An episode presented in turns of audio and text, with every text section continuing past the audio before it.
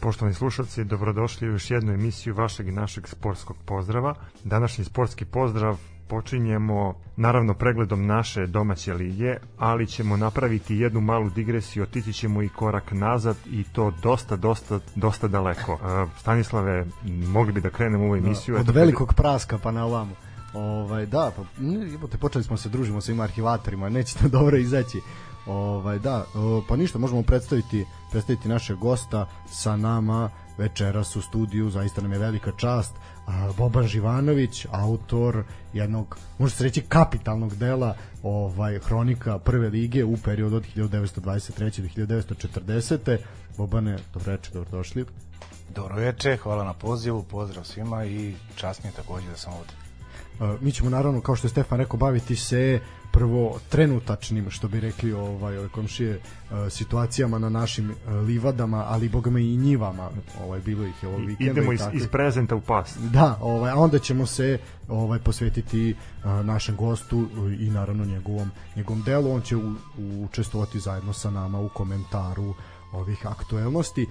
bitno je samo da napomenemo da ćemo u toku emisije nagraditi nekog od naših vernih fanova jednom, jednom Bobanovom knjigom. Kad uzmemo i da postavimo jedno nagradno pitanje, pa e, ljudi neka se jave i ko prvi bude tačno govorio, taj će dobiti da. nagradu. Tako je, ja sam postavio na društvenim mrežama, znači na Twitteru, Instagramu i Facebooku broj telefona na koji možete da ovaj kad to budemo naznačili jasno i glasno da pošaljete odgovor i svoje podatke pa ćemo se dalje posle emisije dogovoriti. A eto, mogli bi da smislimo pitanje za to vreme.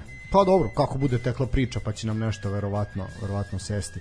Uh, ništa, ajmo, ajmo polako ovaj redom, možemo početi od petka. Pa eto, 13, ovaj, 13. kolo Linglong Super Lige. Ovaj, ali nije kompletno, ovaj, pričat ćemo, doći ćemo do toga zašto. Uh, otvoreno je utakmicom u Novom pazaru, povratnička utakmica Vladimira Gaćinovića, koji ja nazvao četvrti put već vraća na klupu Spartaka ovaj, kao gost je Spartak pobedio Novi Pazar sa 1-0, a zaista ključni presudni moment je bio u 71. minutu kada je fantastični Nemanja Nikolić ponovio ono što je godinama unazad radio upravo u dresu Spartaka, jedan kratko period u dresu Partizana, još kraći period u dresu Vojvodine, zaista je na tacni poslužio definitivno najbolji igrača Spartaka ove sezone Lazara Tufekđića, koji ima onako ostao jedan lak deo posla da pogodi mrežu domaćina.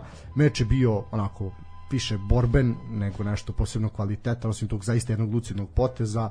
Uh, igralo se po jednom užasnom, užasnom terenu, uh, možda ne najgorem u, ovoj, u ovom kolu, ali definitivno ono, u top 3. Možda opet idemo, sad kako ide ružno vreme, opet glasamo koji teren je najružniji. Ovog puta nema Ivanjice, ja bi ga oni su jeli ispali, tako da nema ko da ovaj, ponese suvereno tu titulu. Uh, Pazarcima je bio deveti poraz u sezoni, uh, četvrti u nizu, ostaju zakucani za dno tabele. E sad, ovom utakmicom im je istekla kazna koja im je važila zbog divljanja publike na meču protiv Partizana. A isto tako i Partizanu istekla zabrana za gostujuće navijače, tako da će biti poprilično zanimljivo u narednom kolu. E, što se tiče e, Spartaka, eto, šok terapija povratkom Vladimira Gaćinovića je bila uspešna, eto, iskusni stručnjak je zabeležio pobedu. Ono što je bitno reći, da uh, je bilo smene na klupi Novog Pazara, znači Kenan Kolašinac, da, eto, nije se dugo zadržao koliko 4-5 kola je bio samo tu. Pa tako nešto, da. Da, pa mislim da zapravo posle utakmice s Partizanom je i seo na klupu. Kenan Veličanstveni nije, Kenan Veličanstveni nije uspeo da izdrži da, ali duže kao, kao legenda kluba ipak nisu se oprostili od njega, nego su ga ovaj pomerili, došlo je do kuplunga što bi rekli, postavljen je za direktora mlađe kategorija kluba, a, a Dragan Radojičić, eto nesuđeni trener Kolubare sa početka sezone je ipak angažman pronašao eto u Superligi u Novom Pazaru, a jedan od asistenata će mu svakako biti jedan ovaj, istaknuti igrač Novog Pazara, u pitanju je Semir Hadžibulić, tako da eto vidjet ćemo koliko će ovaj tandem uspeti nešto da uradi ovaj, za Novi Pazar. Naravno. Svakako Spartak je odneo tri boda, vredna tri boda iz Novog Pazara. A mi idemo dalje na utakmicu koja se odigrala na krovu između Voždovca i Napretka. Da, ako je ova prva bila loša, ova je bila još gora. 0-0, najnepopularniji rezultat da. futbalski Da, napretku mm. je trebalo 13 kola da ovaj odigra nerešeno. Do sad su imali samo pobeda i poraz, eto prvi put je prvi put ovaj su uzeli samo bod. Mislim da će biti zadovoljniji u ovom dvomeču što su uzeli bod. Voždovac je vezao drugi remi u sezoni, u sezoni to na svom terenu. Imao je zaista Voždovac ponovo brdo, brdo prilika, mnogo više udaraca su uputili ka golu rivala, ali jednostavno opet im je falilo to malo kao i protiv mladosti iz Lučana da uzmu ceo plen. Što se tiče Kruševljana, oni su uh, bodreni svojim vernim navijačima koji su došli ovaj iz Kruševca zaista igrali opreznije i povučenije i eto na kraju mogu da budu zadovoljni. Ono što je bitno napomenuti da je šef stručnog štaba napredak, napretka Milan Đuričić bio odsutan, on ima jedan o, zdravstveni peh, morao je da bude podvrgnut hiruškom zahvatu na kičmenom stubu i on je eto iskoristio za taj zahvat pauzu, ovu mrtvu pauzu za vreme reprezentacije. Mi mu želimo brz oporavak. Da, i si, oporavlja se uspešno, to ono što imam informaciju, ali sigurno u nekim narednim utakmicama neće neće biti u svoju ekipu, tako da eto i to je znatan znatan peh za napredak.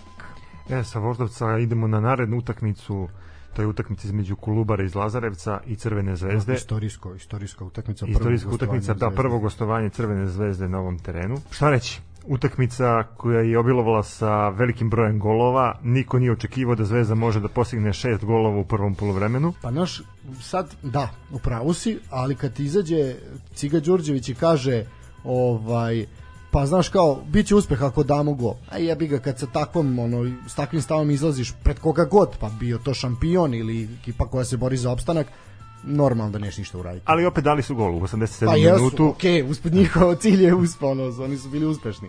Tako da, u suštini... Međutim, jedna... Zvezda je posle toga morala da doda još jedan, tako da je konačni rezultat bio 1-7 u da. korist da. aktualnog šampiona u suštini, Srbije. jedna surova, neprijatna demonstracija sile ovaj jednog tima najubedljivija pobeda u sezoni uh, eto za 20 minuta je zaista već sve bilo rešeno kad već bilo 3:0 ovaj šta kažemo bez nekog velikog utroška energije bitno je reći da je Dejan Stanković u ovom meču nije imao Aleksandra Kataja koga je odmarao za uh, duel u Danskoj protiv Mitlanda uh, Ivanić je eto obično njih dvojica kad su u tandemu to odlično funkcioniše čim jedan izostane bio je problem ovaj put Ivanić odradio zaista odličan odličan deo posla kratko ćemo pročitati strelce. Dragović je bio strelac u 9. minutu, Ben u 16. Ivanić je u 19. pogodio mrežu, Pavkov u 24. Ivanić u 36. za 5-0. 6-0 je Pavko povisio na 44. Znači to je na polu vreme sad što sa 6-0. Mladenović počasni pogodak u 87. i najmlađi strelac za Crvenu zvezdu ove sezone Marko Lazetic je upisao strelce u 89. minutu. E sad, Zvezdu čeka gostovanje u Danskoj Ovo, eto, posle nekoliko godina pauze vraćaju se ponovo u Dansku, igrali su prošli put protiv Kopenhagena. Šta da očekujemo protiv Mitjanda? Možete se Boban i vi slobodno uključiti. Pre svega, ova sezona je poprilično dobra za, za, za klubski futbol. Skupljamo te ove bodove. Da, bodove za nacionalne Tako je, posle 20-30 godina, kako već 90-ih je to počelo sa da se bode UEFA rang lista. Konačno smo se dozvali pameti da je to ovaj, bitno kako god. Da ispade da je ova liga konferencija koju je Partizan e, e, dobra stvar bez obzira što je bilo neke nazovi kuknjave e, kao to je neka nebitna liga da se igra ovaj sirotinja. Međutim boduje se jednako skuplja se prezimiće se najverovatnije. To isto mislim i za Zvezdu u Ligi Evrope i to se reflektuje na, na, na koeficijenti iskreno da budem ja verujem da će jedni i drugi da prođu ovaj, e, da će igrati na proleće a sad konkretan rezultat to sa, sa našim klubima nikad ne znam, mogu da popiju petardu, a mogu i da, da pregaze ovaj protivnika, to stvarno se nikad ne zna, valjda zavisi od, od nadahnuća trenutno. Ali mislim da Zvezda ima, ima šanse, s obzirom na to da je solidno igrala ove sezone u Evropi, za Partizan isto tako mislim da ima još veće šanse, samo je pitanje kako se uđe u utakmicu, to je već naša stara standardna boljka, uđemo ovaj, sa spuštenim gardom, ili uđemo, što kažeš ti malo pre, e, nama je uspeh da, ovima je bio uspeh da postignu jedan gol, a nama je generalno uspeh da e, kad čujem tu floskulu idemo po dobar rezultat. Pa šta ti je dobar rezultat? Ne razumem. Ideš da je odigraš eventualno znaš da primiš što manje golove da eventualno bod kao dobar rezultat. I valjda igraš na pobedu sasvim. Ali mislim da su naši timovi bar ove sezone zatetali neki cilj i mislim da idu u dobrom pravcu kada je u pitanju ostvarivanje tog cilja. Eto Zvezda se nalazi u jako dobroj poziciji u suštini na, na pobedom u grupe. Danskoj mogu proći u grupu. I jedni i drugi po, pobedom mislim da Rešavaju uveravaju sve tako da bi da. trebalo da to ovaj Mislim, Zvezda da nakon to- toga čeka Ludogorec kući i ide u, jel, u Portugal, Bragi na noge, znači sve ide izgube tu protiv Brage, Ludogorec će dobiti kući, mislim da to zaista ne treba, ono, kao prvi u grupi mogu da prođu lagano, mislim, bez razmišljanja. Ovaj, doći ćemo naravno Da, do da, svakako, eto, Zvezda se okreće toj utakmici u Ligi Evrope. A mi idemo dalje na Banovo Brdo i na utakmicu između Da. Čukaričkog i Vojvodine. Za neke ovo bio derbi kola, Pa obzirom na, na to kakavog ranga su ova dva kluba. Ali obično kad se sastanu, ovaj to ne, ne bude ništa posebno, tako i ovaj put. Znači to je utakmica ono koju se svi uvek raduju, a na kraju najviše puta je bio nerešen ishod. Ovaj Čukarički ovde zaista bio bolja bolja ekipa, daleko veći broj prilika. najveći krivac zašto je Čukari zašto je pardon Vojvodina Izvukla bod. da je Nikola Simić koji je da kažem krivac po znacima navoda koji je ovaj briljirao zaista Čuka je dominirala to pokazuje odnos u šutima 21 udarac su ljudi uputili znači čovjek imao 13 odbrana znači da. zaista od koji su neke zaista bilo čudesno onako pogledajte pregled pregled utakmice znači čovjek je ono utakmica karijere eto koliko je 2-3 godine u Vojvodini nije imao ovakvu utakmicu, znači eto njegovi magični brkovi su konačno ono, omeli protivnike, znači on čovjek ne može ima 20 godina nositi onakve brkove, znači zaista ovaj što se tiče uh, Vojvodine, to je peti remi u sezoni, u sezoni če, uh, Čukaričkom četvrti, tri su na svom terenu ostvarili što se tiče strelaca Momčilo Mrkajić je konačno pogodio posle ono zadnji put ne znam mislim da se ni on ne sjeća kada je zadnji put dao go u 45. minutu a Tošić u 67.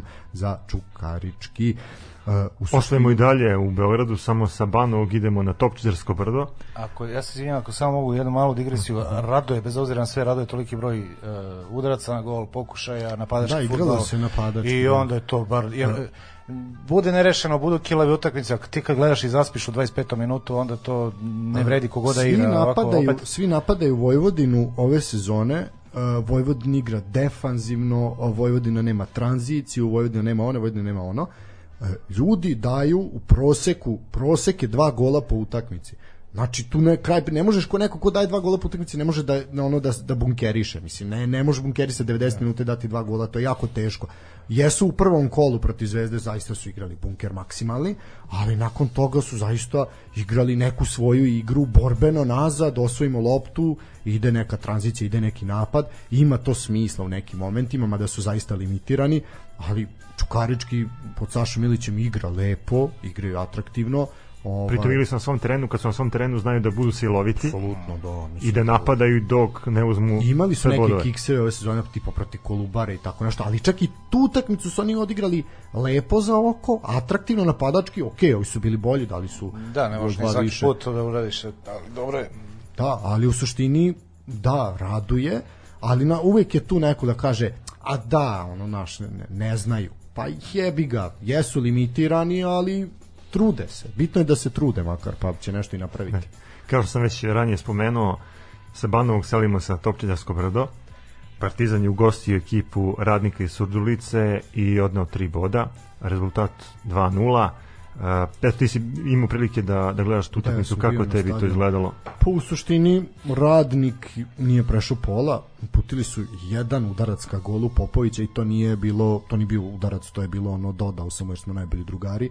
Ovaj u suštini uh, došli su da se brane, došli su da prime što manje golova, ja zaista opet kažem takvu, takvu filozofiju ne razumem. Može se reći da je bilo podnošljivih 2-0 iz ugla gostiju, jer zaista su mogli da odu sa šest komada u mreži oni su Partizan imao 85% poseda lopte u nogama, znači to je to je nenormalno. Uh, nije bilo nekih punih, sad ti kažeš 100% šansi. Golman Stefan Ranđelović je odradio fantastičan posao, čovjek je skinao, skinao jedno 3, 4 sigurno šanse, ove sve ostale su bile neke ono polu šanse, ali je i on tu fantastično reagovao. Lopta je prozujala na 20 cm stative jedno 4 puta. Znači, pritom su bila one kifa naš Natho sa Ivice Kaznenog i ne znam, Živković i Lazar Marković može jedan šut takav i tako. Bilo je par, par takvih. Ovaj, u suštini, Partizan lagano, Siniša Saničan se oporavio od koronavirusa, eto, posle tri nedelje je, je bio ponovo u startnoj postavi. Uh, opet je neko neza, ako postoji nezadovoljstvo zbog nečega ovaj na tribinama Partizanovog stadiona, a da to nije predsednik države, onda je onda je to što Ricardo provodi svih 90 minuta konstantno na terenu, čak i kada je rezultat gotovo izgledan. Mislim, pa koliko smo čuli Štulić je povređen? Pa dobro, ali sad imaš tog Meniga, imaš Holendera, imaš taj nešto, ne mora čovjek da igra svaki 90 minuta. Mali Milovanović, ja mislim da je odigrao sad derbi, univerzitet Da, da, Zvezda, gol, ali da. definitivno može da se, da se malo prištede, ovaj, mogli bi da se prištede ovaj, pred kraj utakmice ili kad je već 2-0 Pa da, mislim, 3:0, protiv čovjek Trajala vodiš 3-0, držiš čoveka, ono, nepotrebno, pogotovo protiv, protiv Trajala koji zaista, ono, u svo dužno poštovanje, on, ono, ni, to ni na šta nije ličilo. Znači, ovaj, tako da, pusti nekog, pusti to Holendera. Ja, ja shvatam s jedne strane zašto to oni rade, cilj je naravno da on nabije što veći ono saldo golova i da ga utopimo negde u Saudijsku Arabiju, ali ili ono Tajland ili već na neku egzotičnu destinaciju gde budete da ode na letovanje pa se za 4 meseca vrati ko ovaj neki što će se vratiti uskoro.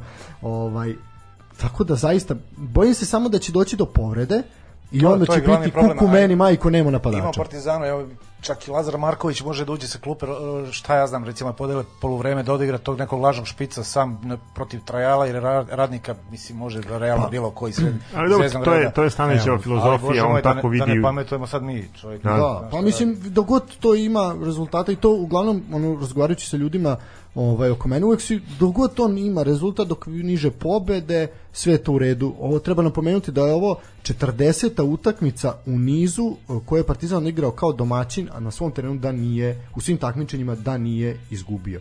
Znači što je zaista jedan impozantan, impozantan skor. Ovaj, e sad što se tiče neke statistike, e, više od 20 udaraca ka golu Ranđelovića, znači zaista sedmi, sedmi poraz u, toliko isto gostovanje ima radnik iz Surdulice, imali su dosta zaista kadrovskih problema, ovaj, vez povreda i bolesnih i tako dalje, ali po meni jedno sramotno, sramotno izdanje ekipe iz Surdulice, ja ih ne pamtim da su ovako, da kažem, benigni bili zaista, ništa živo nisu nisu pokazali.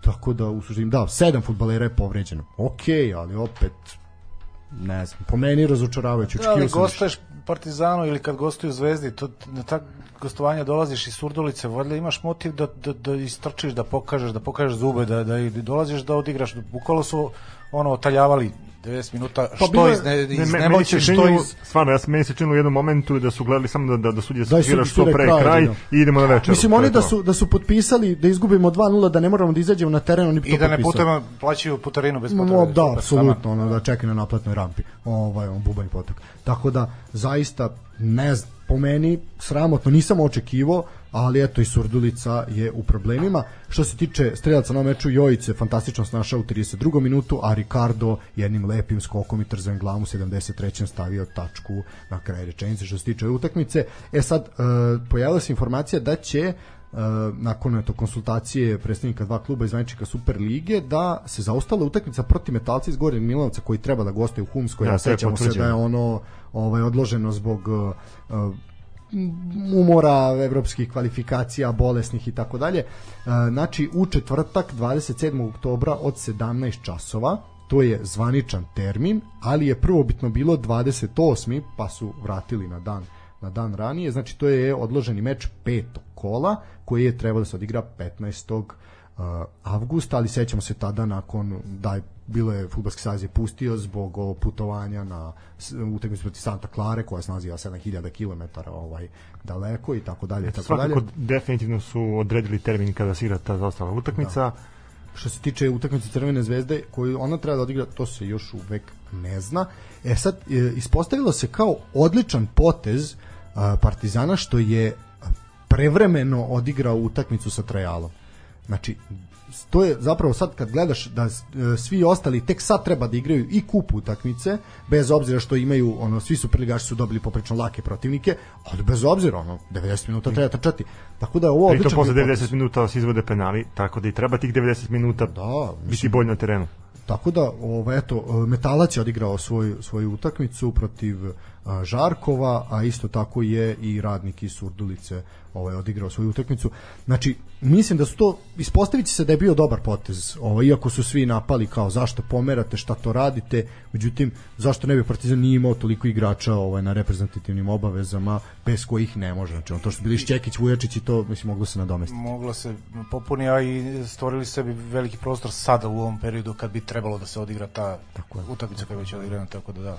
Da se vratimo na Superligu, naredna utakmica bila u Novom Sadu između Proletera i TSC po meni jedno veliko iznenađenje. Niko živi ovo niko, niko, nije očekivao da TSC može da izgubi bodove u Novom Sadu ali eto, Proletar je krenuo silovito i već u sedmom minutu postigao gol i to je to što smo videli od Proletera. Absolutno. Utakmica jeste bila tvrda, ali po meni ništa osim tog gola nije vredno pomena. Naš uhvatili su ih na spavanju, gol Lazara Kojića u sedmom minutu, Uh, peta pobjeda proletera u šampionatu ispostavilo se dovoljno za pobedu. Uh, TSC je pokušavao zaista su se ljudi ljudi trudili ali je Nikola Petrić isto utakmica karijere definitivno su on kolu golmani de, dominirali ovaj zaista znači Banjac Stanojev svi su pokušavali. Slobodan Rajković se našao par puta u, u dobrim šansama priključivao se napadu ko što to radi zaista zaista ovaj pokušali su da daju sve od sebe igrači o, Mladena Krstajića, ali eto, moram priznati iznenađenje ovaj, u Novom Sadu, mislim da niko živi, čak ni u Proleteru se nije nadao ovome, ne znaju ni oni još uvek mislim kako su pobedili. E, ono što je delimično pokvarilo slavlje e, igrača Proletera, to je povreda bitne karike za igru Dilana Ortiza, koji je prinudno zamenjen tokom drugog poluvremena, a za sada je ostalo nepoznato koliki je stepen povrede mladog Kolumbica koji, sta, koji zaista znači za igru igru novosadskog tima, da. Tako da eto njemu želimo brzo oporavak, nadam se da nije ništa strašno, a ekipi Protera čestitamo na zasluženoj pobedi. Nastavite tako, šta da kažem. To je to u suštini. Uh, poslednja utakmica koja je trebala da se odigra danas od 15 časova. Namerno smo malo požurili da mogli da se posvetimo Bobanoj knjizi. Je duel dva radnička ovaj u Nišu. E, nažalost nije bilo superligaškog fudbala u Nišu danas. Ova utakmica je odložena zbog velikog broja bolesnih igrača u sastavu gostujućeg kluba prvobitno je meč bio zakazan za 18 časova, pa onda je prebačeno na 15, prijavili su zaista velik broj bolesnih, jednostavno medicinska komisija Futbolskog saveza Srbije uvažila argumente, posle čega je zajednica Superliga, Superliga saopštila da je meč odložen, igraće se u prvom slobodnom terminu, koji će to termin biti, to niko živi ne zna.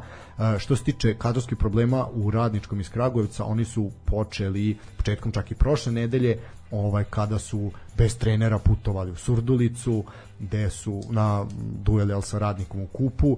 Zaista nije bio ni Varjačić, ni Nemanja Tomić, ni Marko Mirić, ni Brnović, ni Rašo, znači ono, cela okosnica tima ti nije bila ovaj na tom meču, zasluženo su onda izgubili, mislim šta da se kaže, ovaj, tako da poraz bio logično, ono, posledica svega toga, kad se ne pojavi sedam najbitnijih igrača, ono, mislim, tužno je što ti je Marko Mirić u 37. godini naj, najbolji igrač. Najbit, bit, jedan od najbitnijih. Od pa da, a Nemanja Tomić, ono, čovjek koji je najagilniji ono, u životnoj formi, ono sad, mislim, Varjačić u svaka čast čovjek ima kiflu, ono, jedini ono koji može da centrira iz natrčavanja u našoj ligi. Ovaj šta se to desilo umeđu vremenu i zašto više nemamo igrače koji mogu da centriraju, o tome ćemo pričati u drugom delu emisije.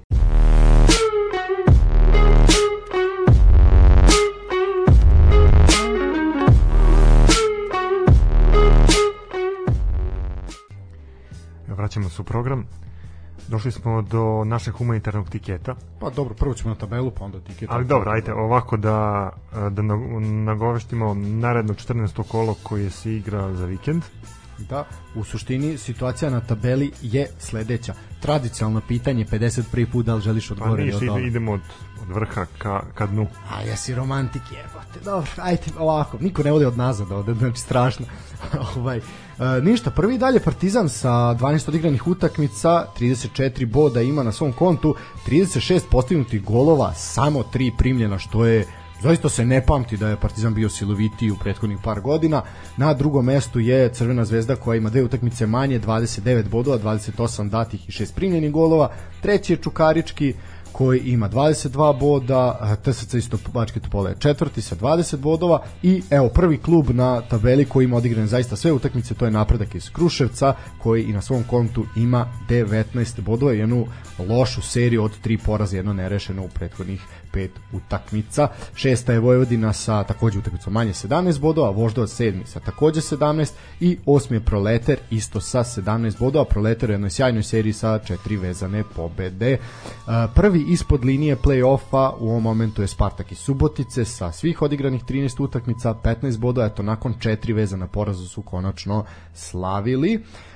Radnički iz Niša je 10. sa 14 bodova, Radnički iz Kragujevca je odmah iza njih takođe sa 14 bodova, Kolubara je 12. sa 13, Metalac je 13. sa 12, onako popriličeno razočarenje i dalje ovaj vlada ove redakcije u Metalac iz Gornjeg Milanovca, ali nadamo se da će se podići, a oni koji su se podigli kao ptica Feniks iz pepela, vezali uh, dve, dve pobede zapravo tri pobede u posljednjih pet mečeva, to je mladost iz Lučana i eto od najgoreg tima statistički na Balkanu sad su pobegli. Više nismo najgori. Bitno da budemo najgori. Ono, smo za nijansu bolji od svih ostalih i dobro je.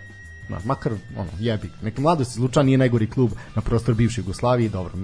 Život u Srbiji je dobar ne veze što je plata 300 evra i to. Malo ne. mi za sriću triba. Ba da, e da, ovo je bilo na račun hrvatskog dragovoljca koji jeste najgori klub na Balkanu trenutno, ali dobro. E, radnik je 15. sa 10 skupljenih bodova i poslednji su pazarci koji su vezali 4 četiri poraza sa 7 bodova. Eto, Fenjeraši zaostaju, ali tu je još ima sve je to na blizu i biće tu jako, jako velika borba za play-off, play-out, a i boga mi za Ima još da se igra, tako da je sve otvoreno. Da, mislim, pogotovo je veliki problem za ostale utakmice, kad će oni to odigrati, šta, kako, mislim, to je to će se tek pokazati, a bojim se da ova sad praksa odlaganja zbog bolesnih da će to sad biti sve češće i češće, da će tu biti jako, jako nezgodno. Uh, No, ajmo na neke vedrije teme, uh, novo kola, novo sreća, neko manje, nekom veća. I evo naš humanitarni tiket koji, da, koji do sad još uvijek nije prošao. Nije prošao, ali eto možda... Da, i onaj čovek koji nam je rekao, više biste ovaj pomogli nekom da niste uplaćivali tikete, nego samo dali te pare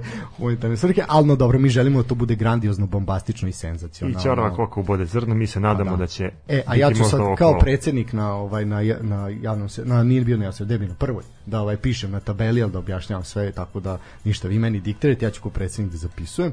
Ovaj znači 14. kolo se otvara 21. oktobra u 16:30 u Kruševac dolazi Novi Pazar.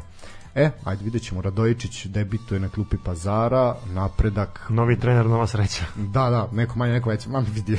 U suštini napredak problem ima sa svojim trenerom, tu isto ima i dosta odsutnih igrača. Šta kažeš ti Stefan ovde? Ja kažem i tipujem na napredak iz Kruševca da nosi pobedu iz ovog. Sva tri boda. Da, sva tri boda. Optimista. Jel ti Rubin sponsor? Strašno. Znači, ja tipujem da će oba tima dati po jedan gol makar. Robani? Ja mislim tu x ko vrate. Baš zato što ovi imaju problem s trenerom, ovi imaju novog trenera, obično to bude malo ono po... Da K, mislim ta ta ta floskula me jako nervira ono kao šok terapija dolaskom ne, ne, ne, ne, nego novi trener drugačije to malo uđe malo malo ih valjda napale pa kao ajmo sad prvi prvi meč drži ne da i pogotovo što su A zna nekada bude mač sa dve oštrice da? Naravno da zna pa dobro nije ništa nije pravilo mislim da tu ima i onda ovi dovoljno su jači uh, da ih dobiju ali su u nekom problemu a ovi taman tu su negde ne su mnogo ispod i tu će nešto i izmuljati neki jedan jedan otprilike ta, javlja mi se tako da da ovo eto samo ćemo reći da se znači uh, 21. je četvrtak u 16:30 znači ni baš onako opet kretenski termini arene znači ja ne mogu da verujem jel moguće da neko stavi kakva god to utakmica bila utakmica je super lige znači to ti je sad pazite ovo najelitniji rang takmičenja i ti ga staviš u 16:30 radnog dana znači ono katastrofa. Mislim ja razumem, ok, u četvrtak igra Partizan igra od 21, Zvezda igra jel koliko od 7, ovaj ali opet mislim zaista katastrofa. I sad i taj neko ko bi mislim zna da bude dobra poseta u Kruševcu, jebi ga, taj neko neće stići. I onda se žalimo što ovaj, nema bar 2000. Kao da, neće prosek, doći, 400 ih neće doći na to. Pa prosek publike će biti 102 ono, posetitelja. Mislim, zaista ono, katastrofa. Uh, no dobra, ajde, to je sad već neki, neki drugi problem. Nije mi jasno, evo sad možemo o tome, uh, pratio sam, ovaj, ovaj vikend sam stvarno gledao futbal, svašta sam gledao, kako je moguće da ista televizijska kuća, znači Arena Sport, u Hrvatskoj ima standard, standardne zaključane termine za njihove utakmice. Znači zna se koji su termini, to stalno se jedni isti termini popunjavaju. Znači, kako u Hrvatskoj se ne gleda dalje serija A, da li igraju Inter i Juventus ili već šta, a kod nas se gleda. Kako je to moguće? Kako je moguće da se menjuju pravila Superlige tri dana u oči To, to je to, to je to, da. Dobrodošli u Srbiju. ne samo u, u toku prvenstva smo imali situacije da se menjaju pravila. A, I što je još gore? Da, mislim, ono, zaista, ne znam, ono, mislim da bi nekad zaista imam utisak da bi svi bili najsrećniji kad svoj futbol ovde ne bi ni igrao. Znači da to, ajde mi to ovaj preoremo, izgradite tržne centre i da završimo. Mislim da to, kad bi moglo bez publike, bez ičega, eventualno malo za kladionicu i to je to. Tako da, eto. Idemo dalje. Idemo dalje, dajte sad. Nemoj ove teške teme. Nemoj, da, da, ne, pokušavam da ne padnem u depresiju, ali ne da mi se ponedeljak i uveče. Radnik iz Surdulice u petak, opet od 16 časova, na neverovatno, ovaj, e, dočekuje Voždovac. Znači, bit će poprilična u špic, špic je uhvatiti, ne znam kakav je špic u Surdulici ovde sad, znamo da u Beogradu i u Novom Sadu Da li će bude- paliti reflektor? A zavisi ako pijačan dan, zna da bude ga... da, sad pa vjerujem da je petkom pijaca, to je baš malo. Ali da, znači, u špica, eto, ko, ne, morate krenuti dosta ranije da biste zauzeli svoje mesto na a, stadionu u Surdulici. Znači, radnik dočekuje Voždovac, ja mislim da ovde sve osim pobede konačno Voždovca je ono katastrofa za, za Zmajeve i to ću i napisati, znači čista, čista dvojka na Voždovac. Mislim da je Dobro, red ja, ja ću biti pobedu. malo optimističan kad je u pitanju ekipa radnika, pa ću tipovati na njih uz možda nerešen rezultat. Znači, Znači. Kecix. Da. Dobro, Boban. I ja se Stefanu pridružujem. Kecix. Da. U, volim taj okršaj kad imamo to, uh, diametralno suprotno, onda mogu da shvalim da sam bio pametniji. No dobro, e, imamo onda meč istog dana od 18 časova, e, Čukarički dočekuje ekipu koja je eto, napravila najveće iznenađenje u ovom kolu, Čukarički proletar 18 časova na Banovom brdu, Novosađani pripremiti se za špicu, gužvu na, oko gazele. Šta očekujemo? Pa ja očekujem pobedu Čukaričkog i mislim da sve osim pobede je veliko iznenađenje. Dobro. Uh, ja iskreno, sad da, Proletar onako na krilima pobede može da ući motivisan u ovaj meč. Ja bih tu napisao gol, gol 3+. Plus. Znači, oba tima potiču makar po jedan pogodak, a zbirno više od 3 gola. Bobane? Pa mislim Čukarički sigurno, čak sam ubeđen da će biti nešto 2-3 gola razlike, ovaj, jer Proletar jeste dobi napravio protiv TSC-a iznenađenje, ali sami ste rekli nikakva igra, Ne, da. njima je to puna kapa, oni to verovatno nisu ni, ni planirali, tako da su dobili tri boda onako gratis, sad izgubit će tamo, ne kažem da idu da izgube, ali iako izgube nije tragedija, Čuka je imala 1-1 sa Vojvodinom, sad, Sad, moraju sad da ganjaju. sad moraju da daju gas i relativno dobro igraju, tako da mislim da je to to nešto, ne, o, Keci možda i čak i 3+. Plus. pišemo. Dobro, e, naredna naredna ovaj da stižu neke poruke, to ćemo posle čitati. Ovaj naredna utakmica se igra znači u subotu 23. od 15 časova u Lučanima dolazi Kolubara. Pa, ha, A ja ću, pošto je a, ja, mladost, Kaka tuga, znači. Sa- ja, samo kad izgovorim mladost Kolubara, to... A, jo. Realno, ovo je meč koji, uz Ili- dužno poštovanje, ovo je meč prve lige. Ovo Na, naravno, naravno, nije, nije, nije pod, nikakav podsmeh, nego jednostavno zvuči nestvarno, tako je. Tino, mislim, o čemu Da, pričam. da. ja ću biti konkretan pa, pa ću tipovati na pobedu mladosti. Mislim da su u boljoj formi, a očekujem Definitivno. od kluba eto, da, da daju taj gol koji im treba. Da, dobro. Znači šta je to? Ke, keci gol gol, da tako Pa, da. Dobro. A, ja tipujem ovde od 0 do 2. Slažem se s tobom, znači daj Bože dva gola da vidimo na toj utakmici. Dobro. A, od 17 časova, e, ovo je sad utakmica koja bi mogla biti mnogo, mnogo zanimljivija, pogotovo ako gosti uđu onako kako znaju da odigraju. A eto imamo povratak Furtule ovaj na teren Spartaka u Subotici, da imamo da li će bivšem klubu malo zagorčati život. Spartak Metalac od 17 časova, ja ovde predviđam tri ili više pogodaka. GG što se mene tiče. Mm, može, može proći. A ja ću na Janix na Spartak. Mislim da i to će proći verovatno.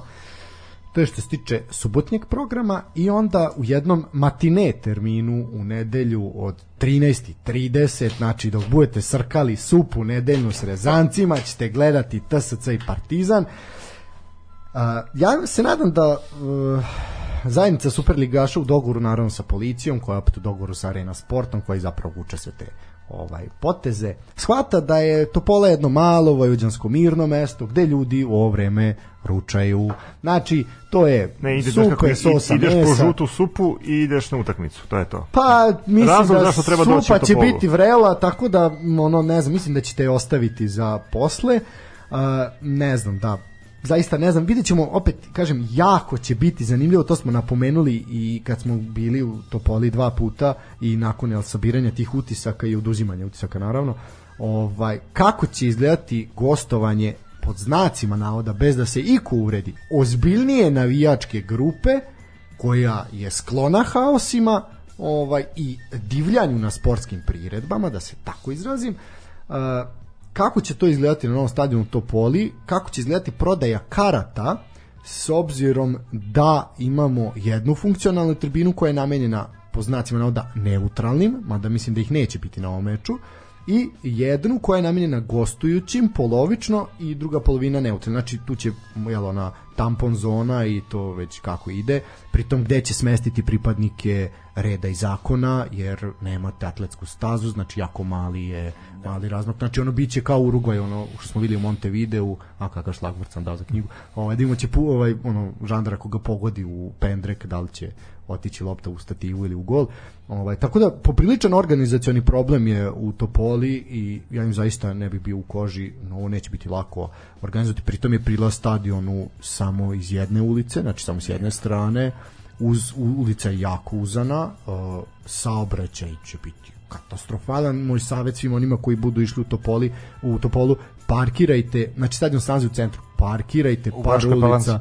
Da, da, to je 40 km razdaje, nego parkirajte par ulica ranije, zaista to je sve brzo, ono, hodom i nije ko u Beogradu uzbrdo, nego ne treba vam vaser vaga, znači sve je ravno.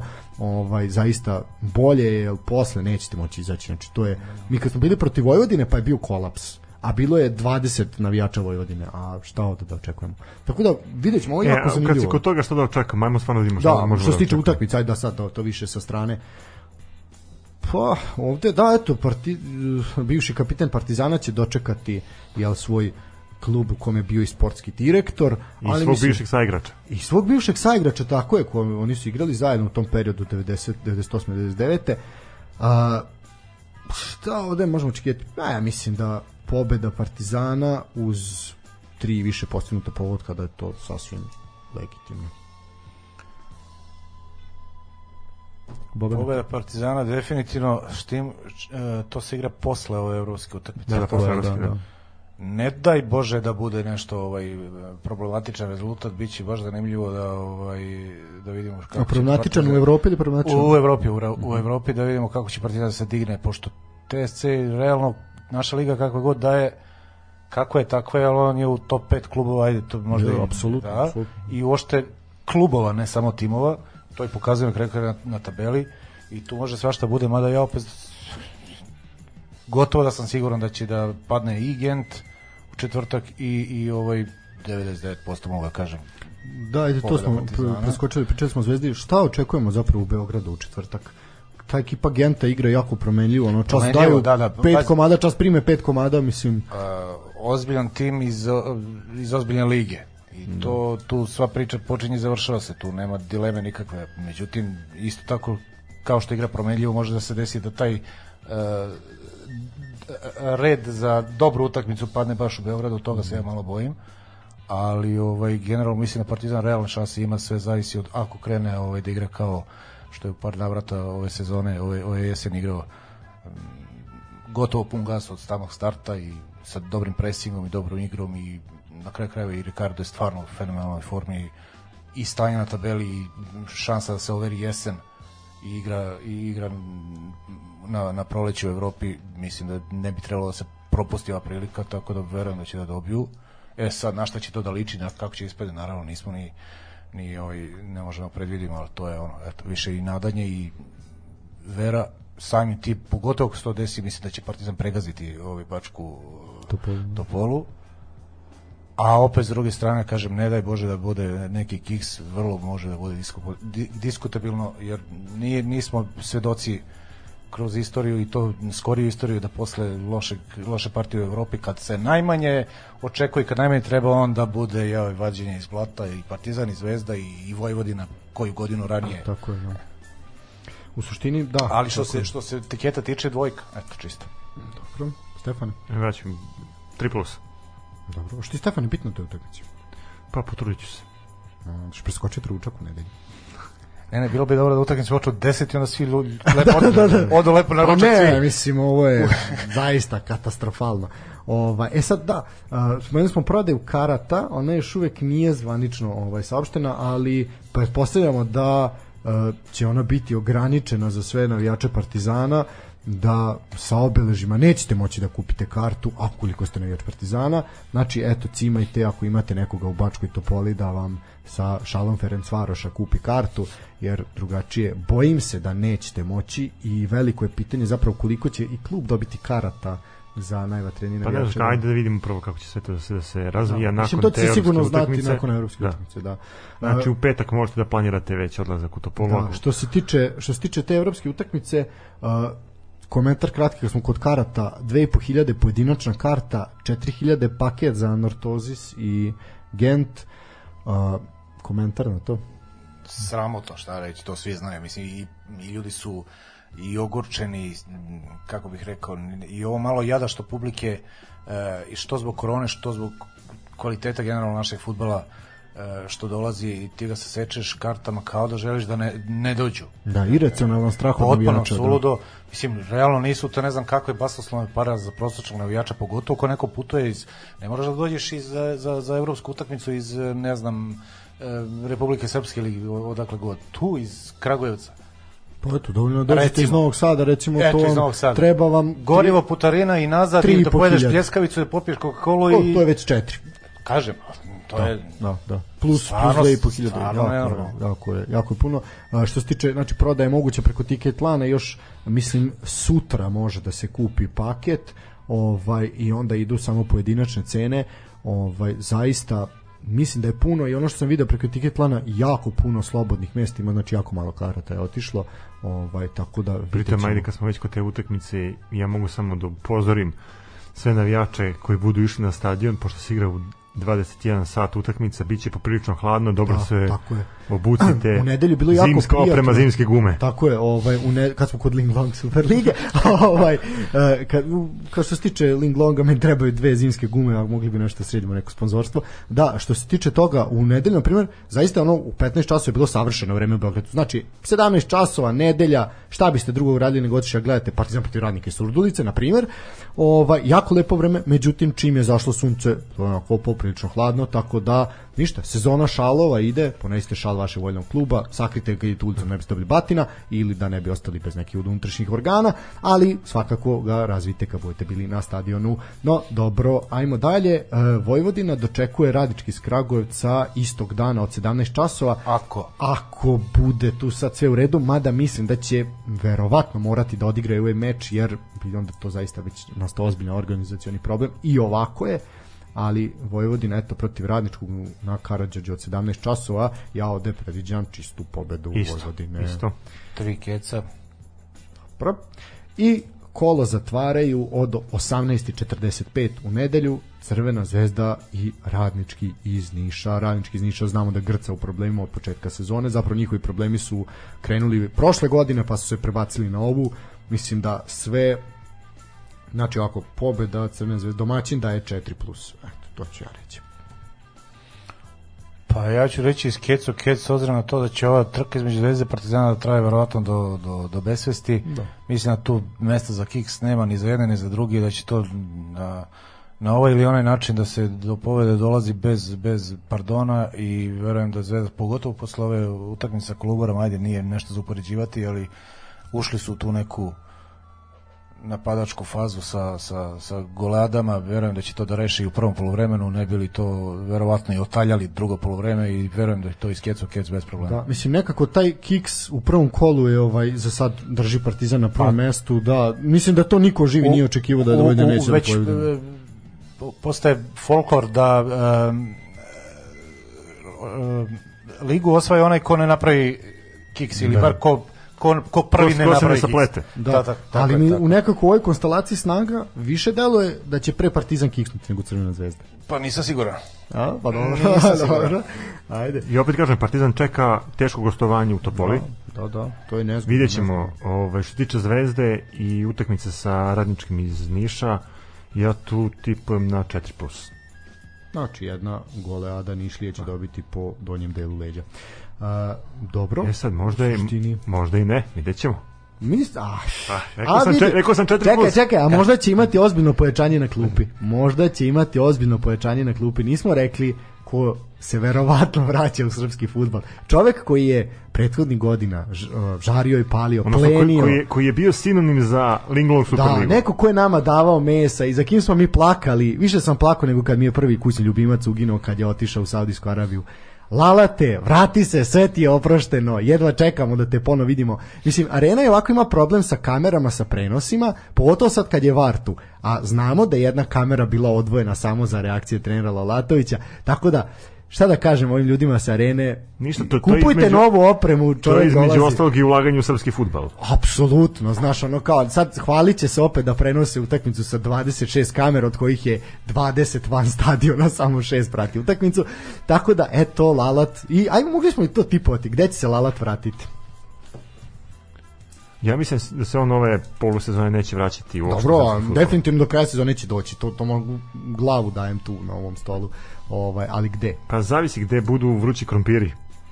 Mm, Misliš da, pa da on voli te izazove. Ovaj. I, ili gde se najmanje posvađa sa upravama. A može to isto. Da li ima uprava s kojom se nije posvađao? E, zato, zato sam rekao gde se najmanje posvađa. pa mislim, to je veliko. Da, imao je situaciju dok je bio trener radničkog prvi put, pa je onda imao situaciju u Vojvodini. Jedino s proleterom, s proleterom se nije svađa. Eto to, no, recimo. Ali no, ne verujem da će proletar sad smeniti. Hmm, vidjet ćemo, da, dobro, dobro, dobro, možda u rad, možda da se rad vrati u Superligu. Ne znam, ajde vidjet ćemo. Uh, kratko, samo pre što završi moj blok, uh, ti si bio na, uh, posmatrao si derbi, al tako, prve lige protiv mladosti Indije, kako je to prošlo? Pa, Duel prvoplasirane i drugoplasirane ekipe. Tako je, da, to je bio derbi kola, uh, mladost je izgubila na uh, svom stadionu rezultatom 2-3 šta reći, jedna zanimljiva utakmica, sad sam ja pristrasan, pa ne bih hteo da ulazim ne, detalje, reci, pa nema veze. ali bilo je baš nekako uh, navlačenja. Da bilo je navlačenje da li je greška ili je navlačenje, kako ti delovalo? Pa delovalo mi je kao malo navlačenje, ali opet kažem, Indija je stvarno pokazala kvalitet i pokazali su da imaju tim koji može da se ponovo u Superligu da se vrati. Uh, opet sezona je jako duga, uh, poprično je uh, neizvesno takmičenje, svako svakog može da dobije, bukvalno imate priliku da gledate srpski championship kao na u Engleskoj. Da. I to je ono što daje zanimljivost Championship za siromašne. Da, Championship definitivno da. za siromašne. Samo na njivi ono. ja moram da. samo da, da, da kažem da stvarno ima dosta dobrih uh, utakmica i dosta dobrih igrača. To su igrači koji su ili proteklih sezona igrali Super ligu, pa nisu uspeli da pronađu sreću ovim našim uh, superligašima, pa su morali da nađu svoju sreću u rangu ispod jedno jako dobro takmičenje i po meni mnogo zanimljivije, aj neće reći kvalitetnije, ali A mnogo zanimljivije da. definitivno Super lige. Kratko ćemo sve reći, Indija sa ovom pobedom odvojila na pet bodova prednosti u odnosu na drugoplasiranu mladost, a evo tu sad recimo mladost, Žarkovo, Mačva, Javor, pa i Železničar iz Pančeva su svi tu na par na par bodova, znači biće poprilično ovaj klanja do kraja. Između ostalo je to mladost sledeće kolo igra protiv Žarkova. Da, to je što u Beogradu, još jedna ozbiljna utakmica i onda dočekuje Maču Da. Maču je na svom terenu, ide, deša se dočekuje, na dočekuje da. Zato što je Maču na svom terenu poprilično ovaj, ozbiljna, ovaj, baš Maču ima baš dobar tim. Mislim, u suštini, jako ravnomerno raspoređene ekipe, tako da me ne bi iznenadilo da, da, da vidimo i kikseve nekih velikih uh, superligaških klubova koji su eto ove sezone u rangu ispod. Da, a što ti kažeš svako izgubio, mislim svako može pobedi izgubio, na primjer ta mačva je tukla to Žarko, na primjer, mislim, ili tukli su na primjer grafičar, ono i to poprilično lep Bogdak Belić je bio rad se malo podigao, eto to isto bitno za napomenuti, Mitrovica se tu dobro drži. Mislim, znaš kao, IMT je bio glavni favorit za osvajanje, IMT se nalazi na desetom mestu. Ali ne beži ni njima puno, mislim, može se to sve stići. Veže dva, dve, tri pobede i eto ga u, u Pa da, poprilično je možda malo tužno što to niko ne prenosi, ali ima, realno, u vikendu imaš jednu ili dve utakmice koje... I moram da kažem pažnje. da ima publike na stadionu. A, video sam tvoju fotografiju uh, protiv, protiv koja je bila objavljena u žurnalu, koga je tu je, protiv koje utakmice bila? To je, ja mislim, radnički Sremska Mitrovica Da. mladost, da. Da, i to je, pune tribine su bile. Da, Znači, da, da, to je bilo baš lepo, lepo vreme, ceo stadion je bio pun. Te dve tribine koje je koje su bile, odnosno jedna koja je bila zvanična za, za navijače i druga koja je bila za prijatelje kluba, to je bilo sasvim popunjeno. Kakva je posjet opšte mladosti u Čelarevu? S obzirom da igraju u Čelarevu, a ne u Novom Sadu. Pa to je velika stvar uh, prvo za sam klub da klub igra uh, taj rang takmičenja. Uh, ono što bode u oči je to što mladost ne igra svoje utakmice na svom stadionu, nego igra 40-50 km dalje. Uh, navijači dolaze na, na stadion u Čalarevu, Pretaras 50, ali ali se, ali se stvarno očekuje da, da se ti građevinski radovi koji se trenutno obavljaju Jako na, lepo napreduju, na stadionu završe i da taj stadion ovaj bude pun u neko dogledno vreme. Pričamo da da bi eto u ovom, u ovoj situaciji i u ovim uslovima mladost mogla da ima veću posećenost nego nego na primjer Vojvodina. O, tu to sam poprilično siguran, ovaj ali ajde sačekat ćemo da mladost dođe u u Novi Sad, kažem zaista lepo, lepo napreduju radovi i to će zaista pristojno A izgledati. je to stavi, pošto nisam upoznan, je li to stadion baš njihov? Jeste, ili- jeste, to je njihov, njihov teren na koji su, oni su tu stacionirani od, od osnivanja, ovaj, ali bila je jedna montažna tribina, a sad grade, grade ozbiljno, ovaj, imaju ozbiljnog sponzora koji je uložio novac. I Pritom, sad je, pritom uh, sama organizacija kluba se mnogo promenila. Pa da. Klub mora da ima omladinski pogon da bi mogao da se takmiči u u višem rangu, jer su Superliga i Prva liga zvanično profesionalni rangovi takmičenja. Igrači su pod ugovorima, znači nemate ono odete na, na posao, pa ako stigne na trening, nego morate da se posvetite profesionalnom futbalu i morate da da zadovoljite određene standarde kada su u pitanju eto, a, uslovi za, za odigravanje meča. A, mladost mora da, da sagradi tu tribinu i eto, oni rade na tome, pa ćemo vidjeti kad će to biti e sad, gotovo. Mislim, onako jedno ozbiljno pitanje je, zapravo se nameće, a da li Novi Sad ima kapacitet za tri superligaša? To je, to je veliko A to pitanje. se vraćamo za- opet na onu temu pre početka emisije, ono što smo čak ulali neobavezno, e, stadion i infrastruktura ne čini prvoligaša. To da li ima kapacitet, to da li, ako misliš na rođene, na novosađene, to je sad već diskutabilno, kao i za Beograd. Ali generalno kao klub, ako ima, kao što Stefan kaže, ovaj, ne znam, omladinski pogon, stadion se gradi, e, zdrava struktura, zdrava, kao što je na zdravim osnovama posta, postavljen, ne znam, pre nekoliko godina Čukarički i tako taj fazon. Onda zašto da ne? Pet klu- kluba, bolje pet zdravih klubova iz Novog Sada nego 20 liga od 18 ili 20 klubova iz e, cele Srbije gde kvalitet, infrastruktura i sve ono prateći da Bog sačuva. da, da. Tako da ja nemam problem s tim. Dobro. Da, Mora, ovo je bilo kratka provokacija. Dobro, ovaj. Da kratka provokacija da imamo Kobina sačekao ispod studija kad završimo. Dobro. U suštini da, eto, to je, to je manje više to što se tiče ovih nekih pregleda, najava. Uh, reći ćemo da samo jednu stvar, u suštini uh, ono što je obeležilo prošlu nedelju, u čemu sam ja pričao dok sam bio sam, pa ćemo se onda posvetiti Bobanoj knjizi, a to je da je uh, rukometni klub Novi Pazar izvanično izglasao odluku da napusti takmičenje u e, Superligi nakon onih incidenata na sportskom centru Šumice. Ja sam pričao sam o tome ovaj prošli put i nadao sam se da će ipak neka želja za takmičenjem i želja za sportom i da se Novi Pazar ima zaista više nego solidnu ekipu da tako kažem i oni napravili su par iznenađenja. Uh, definitivno je bilo vruće gde god da su se pojavili. Znači od Kaća do Subotice svuda je bio problem. Problem po znacima navoda. Ali eto kulminiralo Šumicama i mis, ono rekao sam prošli put zaista sramotno ali mi nekako i razočarenje da su ljudi iz Novog Pazara ustuknuli da su rekli e sad ćemo se povući pred ono 50 ljudi koji su došli da nam skandiraju svašta. Ja, ja ne opravdavam uh, da je to sad skandiranje, naravno da je to za svaku osudu, ja bih ono, vešao na terazijama za tako nešto, ali zaista negde sam očekivao kao, znaš, kao ajde ipak da igramo i jebi ga, imamo ekipu, možemo nešto da uradimo, makar da uđemo u taj play-off, pa i to je nešto.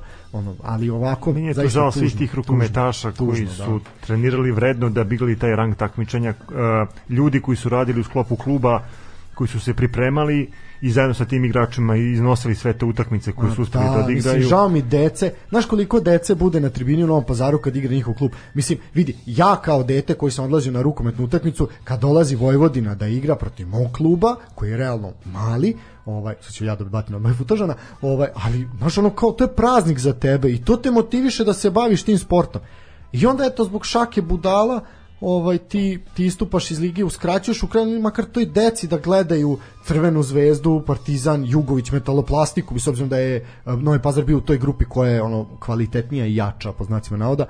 Onako poprilično tužno eto da smo ustaknuli još jedan put pred pred šakom huligana i ono pred opet fašizmom na tribinama jako jako tužno ali eto mislim da nadam se da ljudi u Novom Pazaru znaju šta rade i da je to odluka odluka ispravna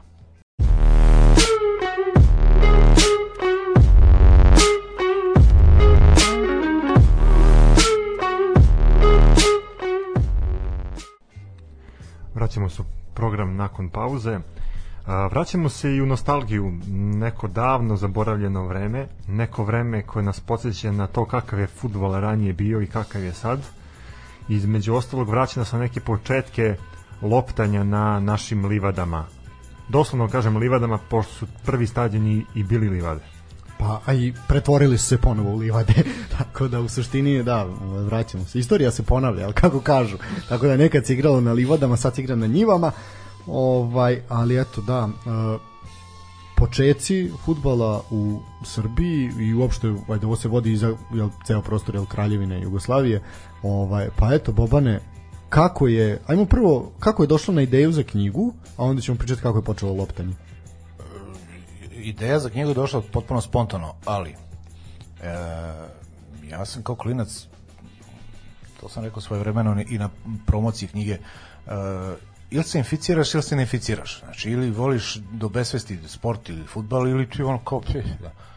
E, naravno, mene je klepilo to prvo i ja sam kao klinac od onih prvih albuma i od e, priča starijih i tako dalje i naravno imao sam sreću da sam se rodio u bolje i kvalitetnije vreme što se bar futbala tiče, pa sam mogao da gledam i uživo i naravno u direktnim prenosima velike asovi naše i strane. I onda se zaljubiš u tako stvari i onda sam počeo da, da, da skupljam sve i svašta uh, moram samo da kažem da ne znam koliko današnji klinci imaju predstave da je svojevremeno. Imao si dva kanala na televiziji. Imao si uh, utakmice se igrala nedeljom to jest uh, kolo se igralo nedeljom. Uh, evropske utakmice su se igrali po onom kup sistemu znači sve ukupno ti si imao nekoliko kola do finala. Da li to bio kup šampiona ili šta god od, od tri tadašnja kupa evropska i ukoliko imaš sreće da ti e, jugoslovenski klubovi ne ispadnu, ti gledaš utakmicu e, ovaj međunarodnog e, tipa e, sredom i četvrtkom je bila emisija od 15 minuta zvala se Eurogol i to je ovaj eurovizijska razmena e, razmena e, golova sa međunarodnih utakmica od srede, od, od jučerašnjeg dana. I ja sam bukvalno pored televizora sveska, olovka, klekneš i u tih 15 minuta zapišeš ko je dao gol za Borussia iz Mönchengladbacha ili za Twente ili šta već. I tako sam skupljao uh, ovaj uh, podatke raznorazne, naravno jedini internet je tad bio uh, sport, Jugoslovenski sportski list, žurnal je tek mnogo kasnije izašao, za ove zapadne krajeve zemlje bile su sportske novosti i to ti je što ti je. I sad ti tako, i naravno bilo je jednom godišnje, ta jaka je liga bila i bile su ovaj, um, albumi sa sličicama, vrlo, vrlo um, veliki tiraž je bio i to je ako si voleo i na osnovu, ne znam, sad ja zvučim kao da sam rođen 1325. ali zaista je bilo na osnovu uh, priča starijih uh, ti si imao neku sliku o tome šta se zapravo deša, ko je kvalitetan, znaš, pa prvi put čuješ za neki tim, znaš, kao šta je šalke, od koji su ti, znaš, pa ti onda objasne da to je jedan ozbiljan klub u Nemačkoj sa ogromnom tradicijom. Nemaš gde da pročitaš, nemaš gde, znaš, nemaš gde da zagrebeš. I onda me upravo to privlačilo, i zapisivo, zapisivo, zapisivo, da sam do, do, do, u jednom trenutku u nekom periodu imao e, nekoliko svezaka sa pozamašnim brojem sastava timova ovih uh, stranih klubova. Ove domaće sam znao na, znao na pamet, to znaš, najnormalnije znaš prvi tim Veleža, uh, te i te sezone, to nikakav problem nije bio. By the way, kad pro, ko pominje Veleže ostaje klubove, kvalitet lige je bio takav da, evo, danas će ova Superliga o kojoj pričamo, pa daj Bože da imaš tri, Kreć. daj Bože da imaš tri igrača u sadašnjoj Superligi koji bi mogli da igraju u tadašnjoj uh, Jugoslaviji po kvalitetu, ali tu računaj da pričamo o klubovima tipa Osijek, Velež, Sloboda i taj, i taj Da, koji nisu beležili neke ne, velike možeš ondašnje velike četvorke da imaš ove sadašnje igrače, može, ali, znaš, vrlo diskutabilno, jer i tada su veliki igrači nisu mogli da prođu iz razno raznih razloga, pa su igrali u drugim klubovima, pa su zato i ti drugi klubovi bili jaki i tako dalje, onda zanimljiva liga je bilo, je, ko što ti kažeš malo pre domaći čempionšipova, tako je bilo. Partizan je svoje vreme, ja se sećam klinac bio 78 bio oborio rekord eh, po broju osvojenih bodova, tako da, je. I dati golova. Bilo je, ako se ne varam, 54 boda, to je dva boda za pobedu, to je tad bilo wow, kao nikad postignuto, bio Ante Mladenić, eh, trener Partizana, sjajna generacija. Te sezone su i dobili naziv parni valjak. Odu u Tuzlu, brate, to dobio 3-0 po zadnjici, ko ništa, to najnormalnije. Zvezda bude prvak neke, ne znam, 77. Čelik dođe na Barkanu 1-0 zdravo doviđenja. Znaš, to ni, ni, odeš u Skoplje, oni izgineš tamo, znaš, kao vreo teren. Pa kasnije 80. se pojavila Priština. Priština, da, to sam da. Dinamo iz Vinkovaca i, I tako dalje. je bilo zanimljivo. I onda je to, naravno, pošto je zanimljivo, onda te interesuje i voliš i skupljao sam, skupljao sam i onda je slava internetu u ovo novije vreme. Povezao sam se sa e, nekim ljudima preko mreže i tu uvek nikad, nikad ne propuštam priliku da, da spomenem svog prvog saradnika i prijatelja Nebojšu Jakovljevića iz Subotice, gde smo e, razmenjivaš, e, razmenjujući materijal i razgovarajući na tu temu shvatili da ono što imam ja i ono što ima on i ono što je on kasnije a mnogo toga je uspio da nabavi e, iz arhiva širom iz raznih gradova širom bivše juge shvatili smo da imamo materijal za nešto što je e, što može se pretočiti u knjigu Koliko je taj posao bio težak? Pa, znaš kako, da, da mi je neko rekao šta treba sve da, e, da i koje vreme da utrošim i energiju e, pre početka stvaranja, to sigurno ne bih to radio, jer bruto vremena, bruto vremena jedno četiri godine si potrošiš na ne, ne, ne, energije, ne, ne mogu ti opišem, pa da pronađeš ko je kad igrao, zašto, zbog čega, igrao, nije igrao, ime, prezime, pa znaš ono, u ono vreme e, novinski izveštaj, izveštaj se svode na to da neko iz kafane posle utakmice javlja telefonom na kurblu e, svojoj centrali ili direkciji da igraju. I onda možeš misliti kako se e, kako su se sta, sastavi prenosili pa onda oštampali e, moj stric Pritom, pretpostavljam da je bilo grešaka u pa samom upravo to pričam. Moj stric je ovaj slagao slova taj fazon. I onda ovaj i onda se u nekom timu pojave tri Jovanovića na primjer. Da. i aj sad ti e, probaj da budeš e, A- ko je kad igrao i zašto i Otkud uopšte želja da se bavite tim periodom, ovaj, ili baviš tim periodom, znači od 23. 40. to je zapravo prvo zvanično, je prvi zvanični Jeste, šampionat. prvo. Otkud nije otišlo ipak onda u neku Jugoslaviju kasnije posle ratnu nego ovaj prvi deo? Zato što ja dok uh, nisam upoznao uh, Nebojšu, nisam mogao, osim ono na internetu što imate šturo, ništa preterano uh, detaljnije da saznam o, o, o futbolu iz tog perioda. Um, više razloga ima. Prvo, tad je bio amaterizam. Drugo, znaš sam kako je vreme bilo, da li si zapisao, da li se sve vodile evi- evidencije, da li nisu, pa onda rat, pa mnogo toga je izgorelo po arhivama, nestalo, šta već, pa su mnogi klubovi ugašeni, pa Futbalski savez sad drugi ove Jugoslavije to u on, pogotovo u onom prvom posleradnom periodu to je da Bog sačuva kako se to uopšte kako je funkcionisalo što se tiče um, arhive, istorijata, da ne pričamo o tome da naravno nisu priznavali uopšte da je ta zemlja i postojala pre rata Da, zbog da. politički trenutne situacije i tako dalje. I onda nije ni čudo što jednostavno ne možeš da nađeš osim onih generalnih podataka ko je bio prvak i ko je bio eventualno najbolji strelac e, to je sve što imaš u e, na izvolte da, da, da eto, u, u peri, za period, od- da saznaš za period od 23. do 40. kad su se igrala prvenstva Kraljevine Jugoslavije. E, Kad smo spomenuli prvaka i najboljeg strelca, evo Bobane, imaš tu čast da postaviš pitanje ovaj, za naše slušalce, ovaj, eto, neko će biti srećne ruke i odneti, odneti knjigu sa sobom. Evo, ništa, da, pro, e, svakako ćemo knjigu pokloniti, da bi bilo zanimljivije, evo, dogovorili smo se da, da pitanje bude koji tim je um, bio prvak i u Kraljevini Jugoslaviji i u posleratnoj Jugoslaviji, prvak države, i drugi deo pitanja e, je ko je najbolji strelac, a to mislim da je relativno lagano, najbolji strelac svih vremena Kraljevine Jugoslavije. Eto, ko prvi odgovori na ta pitanja, Da, poruke možete slati na broj 06071452266. A evo stiglo je jedno jedno pitanje. Ovaj kaže ovako ceo život slušam da je Ju liga bila mnogo jača od sadašnjih i slažem se. Kopka me jedna stvar odavno kako to da tadašnji uh, timovi ipak nisu imali neke posebne uspehe ako izuzmemo Partizan 66. Zvezdu 79. polufinale Želje 85. Radnički iz Niša i ovaj recimo tek Zvezda je 91. uspela uspela da osvoji osvoji nešto. Ovaj kako to Moje skromno mišljenje je mentalitet.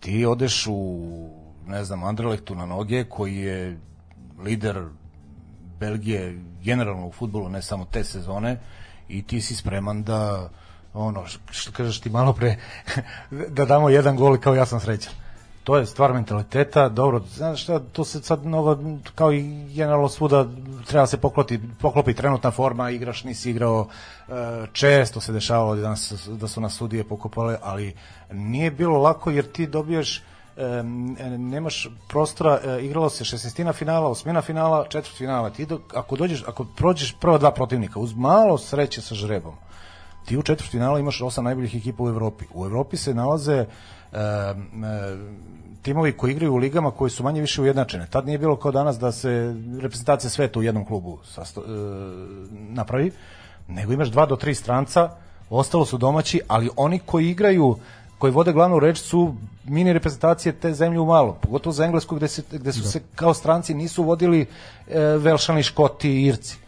I tebi dođe bilo koji prosečan tim sa, sa Ostrava, ti si unapred, ne mogu da kažem izgubio, bilo je tu izleta Hajduk 70-ih, e, ajde Zvezda i Partizan tu i tamo, e, Dinamo povremeno. Da, još Partizan ranjiš. zapravo ima jako dobar skor sa ostarskim ekipama. Jeste, ali hoću da kažem, e, ti treba da e, u nekom e, trenutku e, u dvomeču pobediš tim, iz, pogotovo iz onih iz istočnog bloka iz DDR-a iz Sovjetskog saveza gde apsolutno nema izlaska iz države i ti sav koncentrisan kvalitet imaš u tih par klubova koji igraju manje više stalno u Evropi. I znaš kako je bilo, nije ni čudo što i dan danas kao nikad nam ne leže protivnici iz, ne znam, Sovjetskog saveza i iz, iz, iz, iz tog istočnog bloka, istočnog da. bloka. Ne možeš da odigraš, pogotovo se to je tvrd futbal, jak, a ozbiljni su to igrači. Ti svi koji su igrali, evo malo prepominjem DDR, uh, jaki klubi su ništa lošije bili, preterano lošiji od Bundeslige tadašnje zapadne Nemačke. I stvarno bilo teško da se da se dobije um, ujednačen je bio kvalitet. Ujednačen danas imaš ajde da kažemo 20 klubova najbogatijih i naj, najmoćnijih i ti računaš da njih manje više ne možeš da pobediš. Desi se iznenađenje kao ovo šerif što je napravio da, jednom, jednom, jednom u, u x godina ali ti računaš da će uvek neki kakav god da je bangav uh, tim trenutno Real ima, on će biti ajde, ne mora Real da bude, ali neko od tih jačih kluba Čudno je to da nije postojala scouting služba. E, da, da ali... si imao utakmicu da ideš na neviđeno. Znači ti ne znaš kako oni igraju koja formacija, čuo si pa, samo obično obično je bilo obično je bila varijanta pošalju pomoćnog trenera na utakmicu kolo pre uh, da. te srede famozne i oni odgledaju poslednju utakmicu s njim. E, ako ima neka kad su se pojavili uh, ovaj VHS uh, ovi uređaj video kasetu neko ako imao imao je i ako ti je neko od bivših igrača, trenera ili prijatelja tamo živi i radi pa ti javi je majstor, da. ovo ima opasno levo krilo i taj fa... na tome se bazirala taktika jednostavno. A, da, nije se igra prilagođala protivniku nego su igrali ono što su igrali. Tako je. E sad, tako je. Sami, sam sistem takmičenja je bio mnogo pravedniji, kao što si sam rekao, imao si uh, dvomeč i to ti je što ti je. I onda se moglo desiti da radnički iz Niša uh, čukne Reala ili da Rijeka izbaci Reala, mislim sad eto navodim Real kao primer, ovaj ili Partizan Manchester United, da zašto da ne. Ovaj ali sada i taj mali šerif mali po znacima navoda to je za njihov okvir ogroman klub, da. ovaj institucija državna ovaj ne, ne može u ovom sistemu takmičenja da uradi ništa. On može da iznenadi u grupi, ali on mora da odigra 30 utakmica u toku Nema sezone na tom nivou. Ne nema može da taj kapacitet, tako je, tako je. Tako da je napravljeno na neko ko je bio tu neko je gost pa je rekao kao očekujem pravdu u Ligi šampiona. Nema pravde u Ligi šampiona. Liga šampiona nije pravedno takmičenje. Mislim to ne treba ne treba očekivati. Ja, Ovaj, ja se sećam 70 i neke tamo ne mogu da sad da mislim da je recimo 77. godina bila. Hajduk je bio tad možda i u tom periodu se prvoj polovini u, stvari čitavih 70 godina verovatno najjači najjači ovaj u istoriji e, što je pokojni Ivić napravio selektirao tim. E, igrali su imali su sjajnu ovaj e, sezonu. Ne znam one one sezone kad je Zvezda došla do finala kupa UEFA oni su za 79, dlaku da. ispali ovaj od od hamburgera.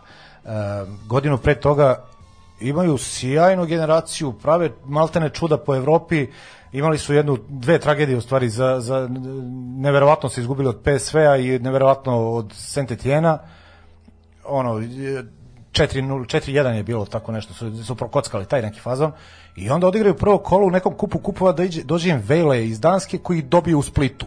Oni su prošli tu utakmicu, ali su Vejle iz Danske, tad je Danska bila na nivou današnjih, ne znam, Farskih ostrava, znaš, ono, poloamaterski futbol trala. I dođete taj Vejle, ti istrčeš, oni te klepe u Splitu, potpuno neverovatno. Hoću ti kažem, te dve utakmice, to ti je što ti, ako uđeš pogrešno ili ako imaš lošu nedelju ili ako se ne znam šta desi, malo te sudija potkrade, Srećno, malo da. se sad mi pada napred čuvena utakmica Partizan Dinamo Berlin. Mi smo tek godinama saznali posle toga da su ceo tim bio doping, dopingovan. Partizan Da, ih je pojon i da. tako dalje i tako dalje. Znaš, i sad sve se to pomalo nadrobi i onda ne možeš da napraviš uspeh. Vrlo je vrlo teško bilo. Ti nemaš mogućnost tada koliko su bili ujednačeni, to jest koliko smo mogli da budemo kao timovi barabar sa ovima u Evropi, da je bio ovaj sistem takmičenja, pa ti, ti možda se povodiš uh, u, u ligi, u grupi od četiri, pa da ovde kikseš, ovde se vratiš, pa bilo bi to mnogo drugačije pesma. Ti odigraš dve utakmice, od kojih na jednoj utakmici imaš neki pehte zadesi i ti si ispod ćao doviđenja, propala ti sezona, igraj kod kuće, ček sledeću godinu, ako se plasiraš. Jer je domaća liga bila jaka. Da. Evo imamo još jedno pitanje. Ovaj, da li je upravo sada dostupnost tog e, sadržaja i na internetu i svemu i uopšte vi imate tu situaciju da se svaka utakmica u kolu prenosi, što je abnormalno bilo za, pre, za vreme pre 30-40 godina. Da li možda baš zato to nije toliko zanimljivo?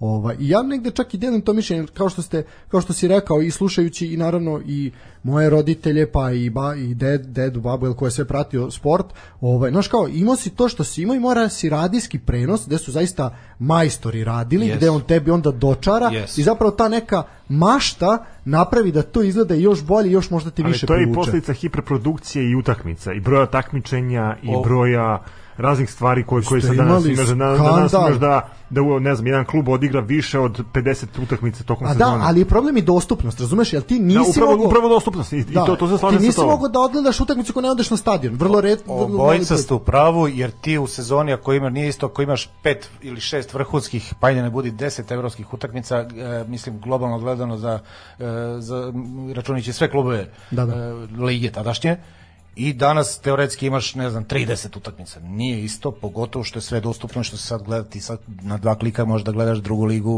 ne znam, Tajlanda Čak imali je- smo situaciju da odemo na utakmicu i da na poluvremenu pratimo drugu utakmicu Ja koja sam- se igra uporedno s ovom. Tako, Tako je. je, I da. sad sam pratio, na primjer, bio sam gledao sam Partizan Radnik, a paralelno na telefonu sam gledao Šibenik i Hajduk, na primjer.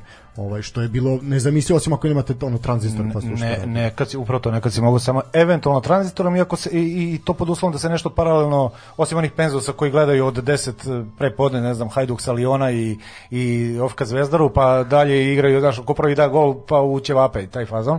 A i slušaju, naravno, čisto zato što, eto, nemoj pametni posle preko nedelje, pa Da. tranzistor na uvo i zdravo, ali e, na stadionu je bila relativno česta pojava kada se paralelno igra neka druga utakmica u nekom drugom gradu, a bitna je za plasman, za Da, ono, to pred kraj sezone, pedalji da. i onda te da, i onda te to je to, to ti je bio internet, mislim, jednostavno e, Očima si na terenu, a, ušima si I na nekom manje drugom broj mestu. utakmica i kad se to desi, e, to ti je to, ono, to je euforija.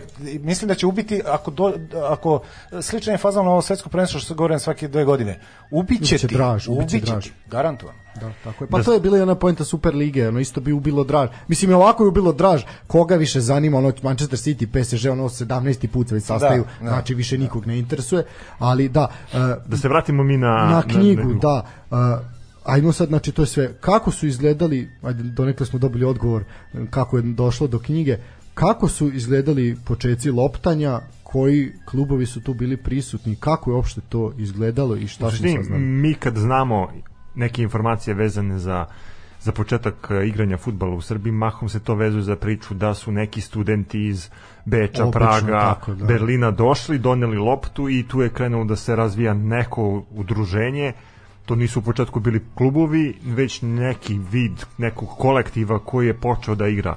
A ima između ostalog e, i čuvena a, anegdota, odnosno to je i mit anegdota, koja je vezana za to kako, je, kako su Srbi prihvatili futbal kada su se vraćali sa Krfa i Soluna videli su zarobljene austrugarske vojnike kako igraju neku igru njima se to svidelo i počelo da poprima a, neke simpatije kod naših vojnika koji su nakon rata počeli da, da se aktivno bave futbalom Uglavnom je u svim krajevima bivše zemlje je uh, taj princip bio vrlo, vrlo sličan i nalik je na drugom. Neko je student napredni iz Beča ili ne znam odakle doneo loptu i Obično Beč, Praga. Obično Beč i Prag, tako je.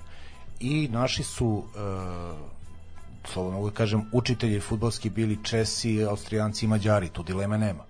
I to se vidi kroz, evo i u ovoj knjizi možete naći veliki broj igrača i pogotovo trenera koji su e, u, i u tada prosečnim klubovima našim e, e, vrlo često bili alfa i omege i to je sasvim prirodno. E sad, kako se koji posle tog dolaska lopte u selo ili grad, ovaj, kako se koji klub razvijao, razvijao to je sad sve stvar mm, sve zavisi, nema nikakvog pravila. Naravno su veće sredine i malo bogatije, malo naprednije sredine i gradske sredine imale što i sasvim prirodno, ali vi imate i, i u raznim dijelovima zemlje bile su, bili, bilo je mnogo klubova po esnafima, bilo je mnogo klubovima, bilo je romskih klubova, bilo je ovakvih, onakvih, znači vrlo je Pa imali ste klub jevrejske zajednice. Tako je. Da, tako ima se čak kad je krenula industrializacija se razvija u, u Kraljevini, imao si situaciju da su klubovi se organizovali po preduzećima, pa si imao je. pekarske klubove, ne znam, Pekarski, jeste. železničke ili tako Pa nešto. si krajem, Pa, krajem, želja, 30, da. krajem 30-ih je Bata Borovo imao uh, svoj faktički vlastiti klub, imali su, ne znam, svoj autobus, stadion, to je bilo ozbiljna priča za one godine, nešto što je, e, njih je rat sprečio da, da uđu, bili su već na vratima tadašnje prve lige i ovaj rat je prekinuo to takmičenje neposredno pred sam kraj. Falilo je jedno dve utakmice da se odigraju, došlo je bombardovanje, to je to je to. Ali hoću kažem različite priče, međutim generalno su svi bili manje više amaterski poluamaterski klubovi tako su se organizovali s tim što naravno uvek je i tada kao i sada odnosno kao i posle rata uvek je grad Zagreb ili ili Da, uticajni ljudi da. gurao ne znam ekipu građanskog ovamo Baska Jugoslavija i tako dalje to je standardna priča to kod nas valjda po defaultu ide Mene zanima kakva je bila oprema futbolska tada? kako se snađeš? Oprema je, što se tiče dresova, naravno svi imaju svoje boje, to stoji, ali oprema je bila krajnje ono romantična, ono i, i, i isprane boje, štrafte ako su bile na ovako, na, na, e, da li su vodoravne ili uspravne, to je sad pitanje. E, veći deo, u velikom broju slučaja bile su crne gaće, to je valjda iz, nek, iz nekog razloga bilo praktičnije, pogotovo u početcima, a ovaj a dole ja verujem da je bilo što se fudbalskih cipela tiče sam čak i listajući razne ovaj novine iz tog perioda video i, ka, i proizvođače tih cipela, to su bile neke poluduboke sa kramponima, va čuda žija, pa sam mogu misliti ko je to mogao da priušti, ko nije mogao da priušti, od ne računam ove vodeće timove, ali tako da bilo. Egzotika, o terenima da ne pričamo, bože moj, to je... A veliko je pitanje kako je bilo udobnost nositi tako nešto i trčati u tome, mislim i šutirati. A dobro, s druge da. strane, ja verujem da se to ti je što ti je, ti nisi znao za, da za postoji bolje, nešto da. drugo i bolje i to ti je igra Mislim, s obzirom da je u tom periodu ono masa naroda bila bosonoga, ovaj, tako da je Bukvalno, to... da. da. E sad, što se tiče klubova neki koji su koji su učestvovali u tim nekim međuratnim periodima koga tu možemo spomenuti da je onako nekako naj najbitniji za za ovaj odigravanje ovih liga. U suštini sam si rekao da su tu ovaj najveći centri, pa i najveći gradovi. Tako, liga je bila Da. podeljena pod sedam županija. E, županije su bile, uglavnom se igrala e, zavr- e, završnica prvenstva Jugoslavije se e, i tu imam samo pre nego što počnem pričam o tome naravno da ima neverovatno mnogo trvenja oko toga. Da li svako je vuko na svoju stranu da li se ti odgovara da se igra po kup sistemu ili ovako ili onako pa se prekida prvenstvo pa mislim politika pa vuku Srbi vuku Hrvati vuku ovi vuku oni. To mislim to je standardna priča. A uglavnom se igralo ili e, u zavisnosti od toga kako su se dogovorili u prvo vreme e, se češće igralo po kup sistemu a kasnije se ovaj formirala zajednička liga e, kup sistem je e, završnica prvenstva a lige su se igrale e, po ovim banovinama tada tadašnjim i naravno najbolji timovi su, su ulazili u završnicu. Pa onda ili se igra po kup sistemu do, do finalne utakmice ili dvomeča ili, i onda se ovaj, posle izvesnog perioda su se konačno dogovorili da, da oforme ligu. Tako da e, Prva liga brojala koliko klubova? zavisi. Svaka sezona je priča za sebe, ali bukvalno svaka sezona, kako se smo se Kao, dogovorili, kao i danas. apsolutno nema nikakvog pravila. Gotovo, vratili smo se u početcima, to je to korenima. Znači, kako smo se dogovorili, ako nismo prekinuli, ako smo uspeli da, da se dogovorimo da se uopšte odr, odigra ta, te godine, onda je kako smo se dogovorili. Pa da li će biti 10, 12, da li će po, po grupama, da li će biti po, na ispadanje, nema, nema pravila. U suštini e, najbitniji klubovi su jel što se tiče Zagreba su Haški građanski, jel Naravno, tako? Haškt je, e, on je osnovan 1903. i on je studentski akademski klub i on je ovako u tom periodu bio okosnica uošte sporta u, u, u Hrvatskoj i u Jugoslaviji. Mnogo e, sportista, pa i olimpijaca je poteklo odatle i futbal je bio naravno jedan od, od vodećih e, ogranaka tog društva. Građanski kao najkvalitetniji klub je bio ono preteča Dinama. Da li je, za, da li je zaista građanski? Mm, Zaista nije, da se ne lažemo, Hajde da se ne zajebamo. da, da ne zalazimo, nema vremena sad da pričamo o tome. Da, ali mislim, da, to je priča samo. Uh, da bi se oni kao malo, ali dobro, to je sad, to je neka revizija istorije koja je zaista bez veze. Kod nas Uh, što se tiče Beograda, da, tu je bio Soko, jel? da, Soko takođe nešto kao pandan Hašku s tim što je Soko bio e, klub koji je bio manje uspeha i mnogo manje uspeha imao u odnosu na druge klubove, pogotovo u odnosu na Baske ove Jugoslavije. Baske Jugoslaviju. A Baske Jugoslavija su ono što su u predred Jugoslaviji što su bili što su današnji Partizan i Zvezda, ono lokalni rivali, samo mnogo romantičnijem obliku, naravno. Da, uh, što se tiče Novog Sada, kao, ajde da kažem, drugog najvećeg grada u Srbiji, tu smo definitivno imali Vojvodinu i imali smo Novi Sad, jel, to je NAK, jel? To je NAK, da, ali to nije Novi Sad, ovaj, ovaj Novi Sad. Aha, NAK je nešto posebno, a ovaj i naravno bilo to još kluba po- malo pre po- ovaj Juda Makabi iz Novog Sada. Da, oni su, ali oni su do duše nešto kratko za i postojali. Jeste, ali su bili, kako bih rekao, nisu bili ne- nepoznat klub i nisu bili klub koji bio to, to kao, kao nikad nisam čuo. Sasvim onako solidnu Pa Dobro, reputaciju. su ste i ozbiljnu, ozbiljnu jevrijsku zajednicu u Novom Sadu, i to je naravno. apsolutno tačno. Kad je ona iščezla, ovaj, kad je malo plin se uveo u Novom Sadu, onda je jebi ga, onda je nestao i klub, ali dobro.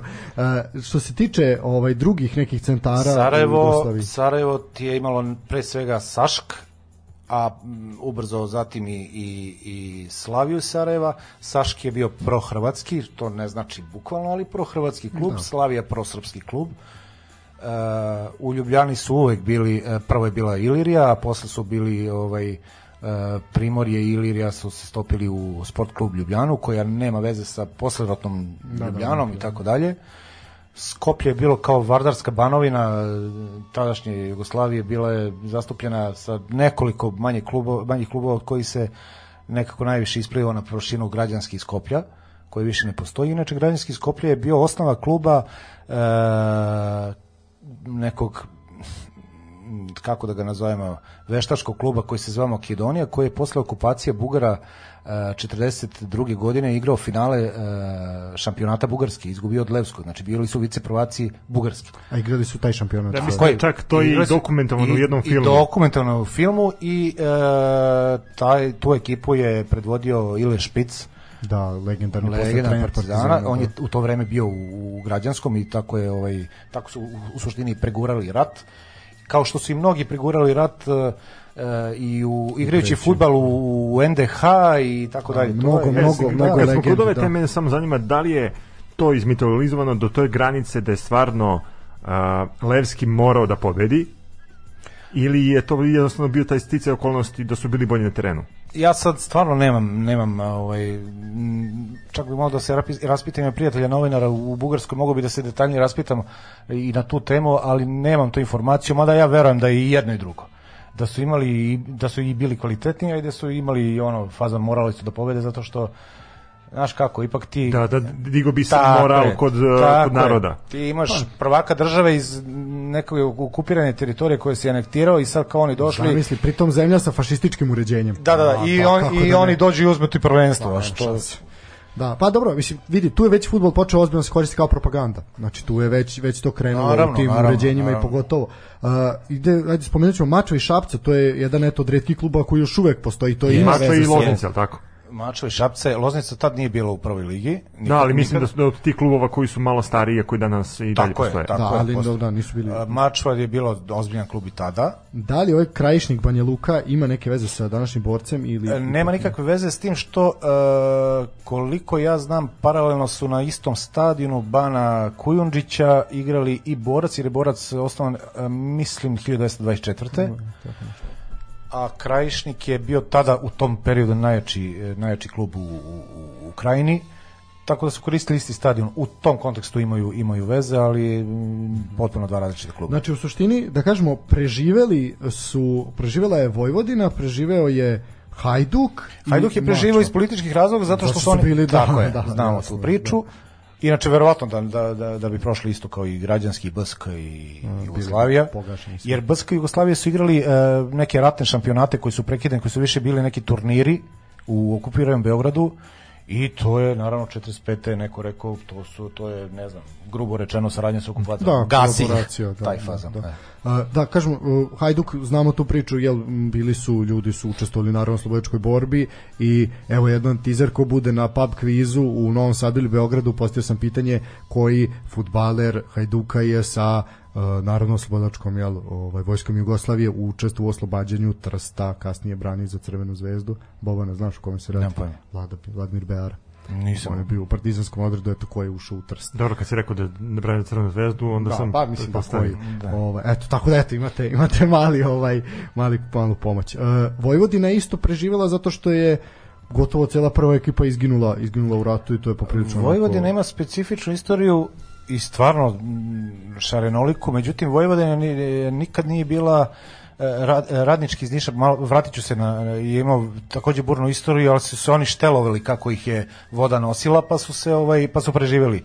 A Vojvodina je nekako uvek bila po strani, ni, ni ne znam, bar sam takav utisak stekao, ni za vreme kraljevine nešto ljubimac kraljevine, ni za vreme ove vlasti, ni, nekako su se provukli, nekako su bezbolno prošli, nisu upali od 45. na ovamo nikome u oči e, njihova, njihova istorija od Da, osim, predratna. I da, osim samo što su morali da promene ime stadiona. Ka, dobro. Da, da, I to je- zvali su se oni i sloga, Da, da, pa, zvali je, su se bilo oni i sloga, to nije sporno. Ali ovaj, generalno kao klub i kao društvo koje je egzistirao 914. nisu se, znaš, ono, kao nema razloga da, me, da, da ih gasimo, aj kao, okej. Tak, a radnički iz Niša je, e, to je takođe Nebojša gore pomenuti ovaj, svoje vremeno kopajući arhivu i našli smo u nekom e, od e, službenih glasnika da su u jednom trenutku promenili ime radnički iz radničkog u građanski i kasnije je vraćen. Zašto? Zato što je tadašnja komunistička partija gledali ste film Montevideo, znate onu priču, ne znam, Milutinac i, i taj fazon, koji su naravno smetali kralju, jel te? I ovaj, pa je njihov rad e, bio nepoželjan, pa su ono primorani da menjaju ime, čak su menjali boje, građanski iz Niša bio zelene z- boje, pa su menjali crvene, pa su se ponovo vraćali, tako su nekako preživali i dan danas, nažalost, na sajtu e, zvaničnog sajtu fudbalskog kluba Radnički imate neku priču o istoriji da je taj klub preživao tako što se iselio iz Niša u obližnje selo, pa su e, skrivali su se malte ne, identitet su svojih skrivali, međutim e, ne bih ni, ni, ni, ni znao ni znao za za taj podatak da kažem u arhivi Nebojša nije u jednom u jednom službenom glasniku od evo sad držim u, u ovoj knjigu i na strani 396 isječak i sportiste koji je tada bio um, službeni glasnik Fudbalskog saveza, odnosno Beogradskog saveza, od 7. februara 1929. Po, pod tačkom 2 imate ovaj uh, upravni odbor koji je sastančio okružnica broj 24 i tačka 1 tralala, tačka 2 izveštava se, izveštavaju se klubovi da je radnički sport klub Niš promenio ime u sport klub građanski. To je štura informacija koja je samo, znači službeno je zavedeno da je radnički iz Niša samo promenio ime iz gore pomenutih razloga, ajde da se vlasi nesete da malo menjamo ime, da budemo, da budemo podobni taj fazon. To se nigde u istoriji kluba u, u, u zvaničnim arhivima ne spominje. ne spominje. Verovatno zato što su ljudi koji su radili tu, taj istorijat uh, uglavnom radili na osnovu predanja nekih koji su znali, kojima su babe i dede igrali svoje vremeno i sad kako je ko poslednji čuo priču, ispričao ili se setio, tako bi verovatno trebalo da bude, međutim kad se malo zagrebe i kad se pronađe pravi materijal dobije se i, i malo drugačije Da, informacije. jako je zanimljivo da je u prvom grbu bila petokraka zapravo. Da, to sam uh, uh, petokraka sa točkom. E sad, točak, uh, ja ne znam koji razlog, to, to, točak me asocira na, na romski simbol, ali stvarno ne znam kako to veze ima sa, sa grbom prvog radničkog, ali bože moj. I da, menjali su, pogotovo kad pričamo o njima, menjali su klubove, čak su 70-ih bili potpuno beli kao Real Madrid, pa crveni, pa plavi. U onoj generaciji najslavnoj kad su došli polufinala kupu UEFA bili su potpuno plavi. Vrlo zanimljiva istorija kluba, ali eto, i dan danas ne znamo mnogo da ne znamo mnogo o njima.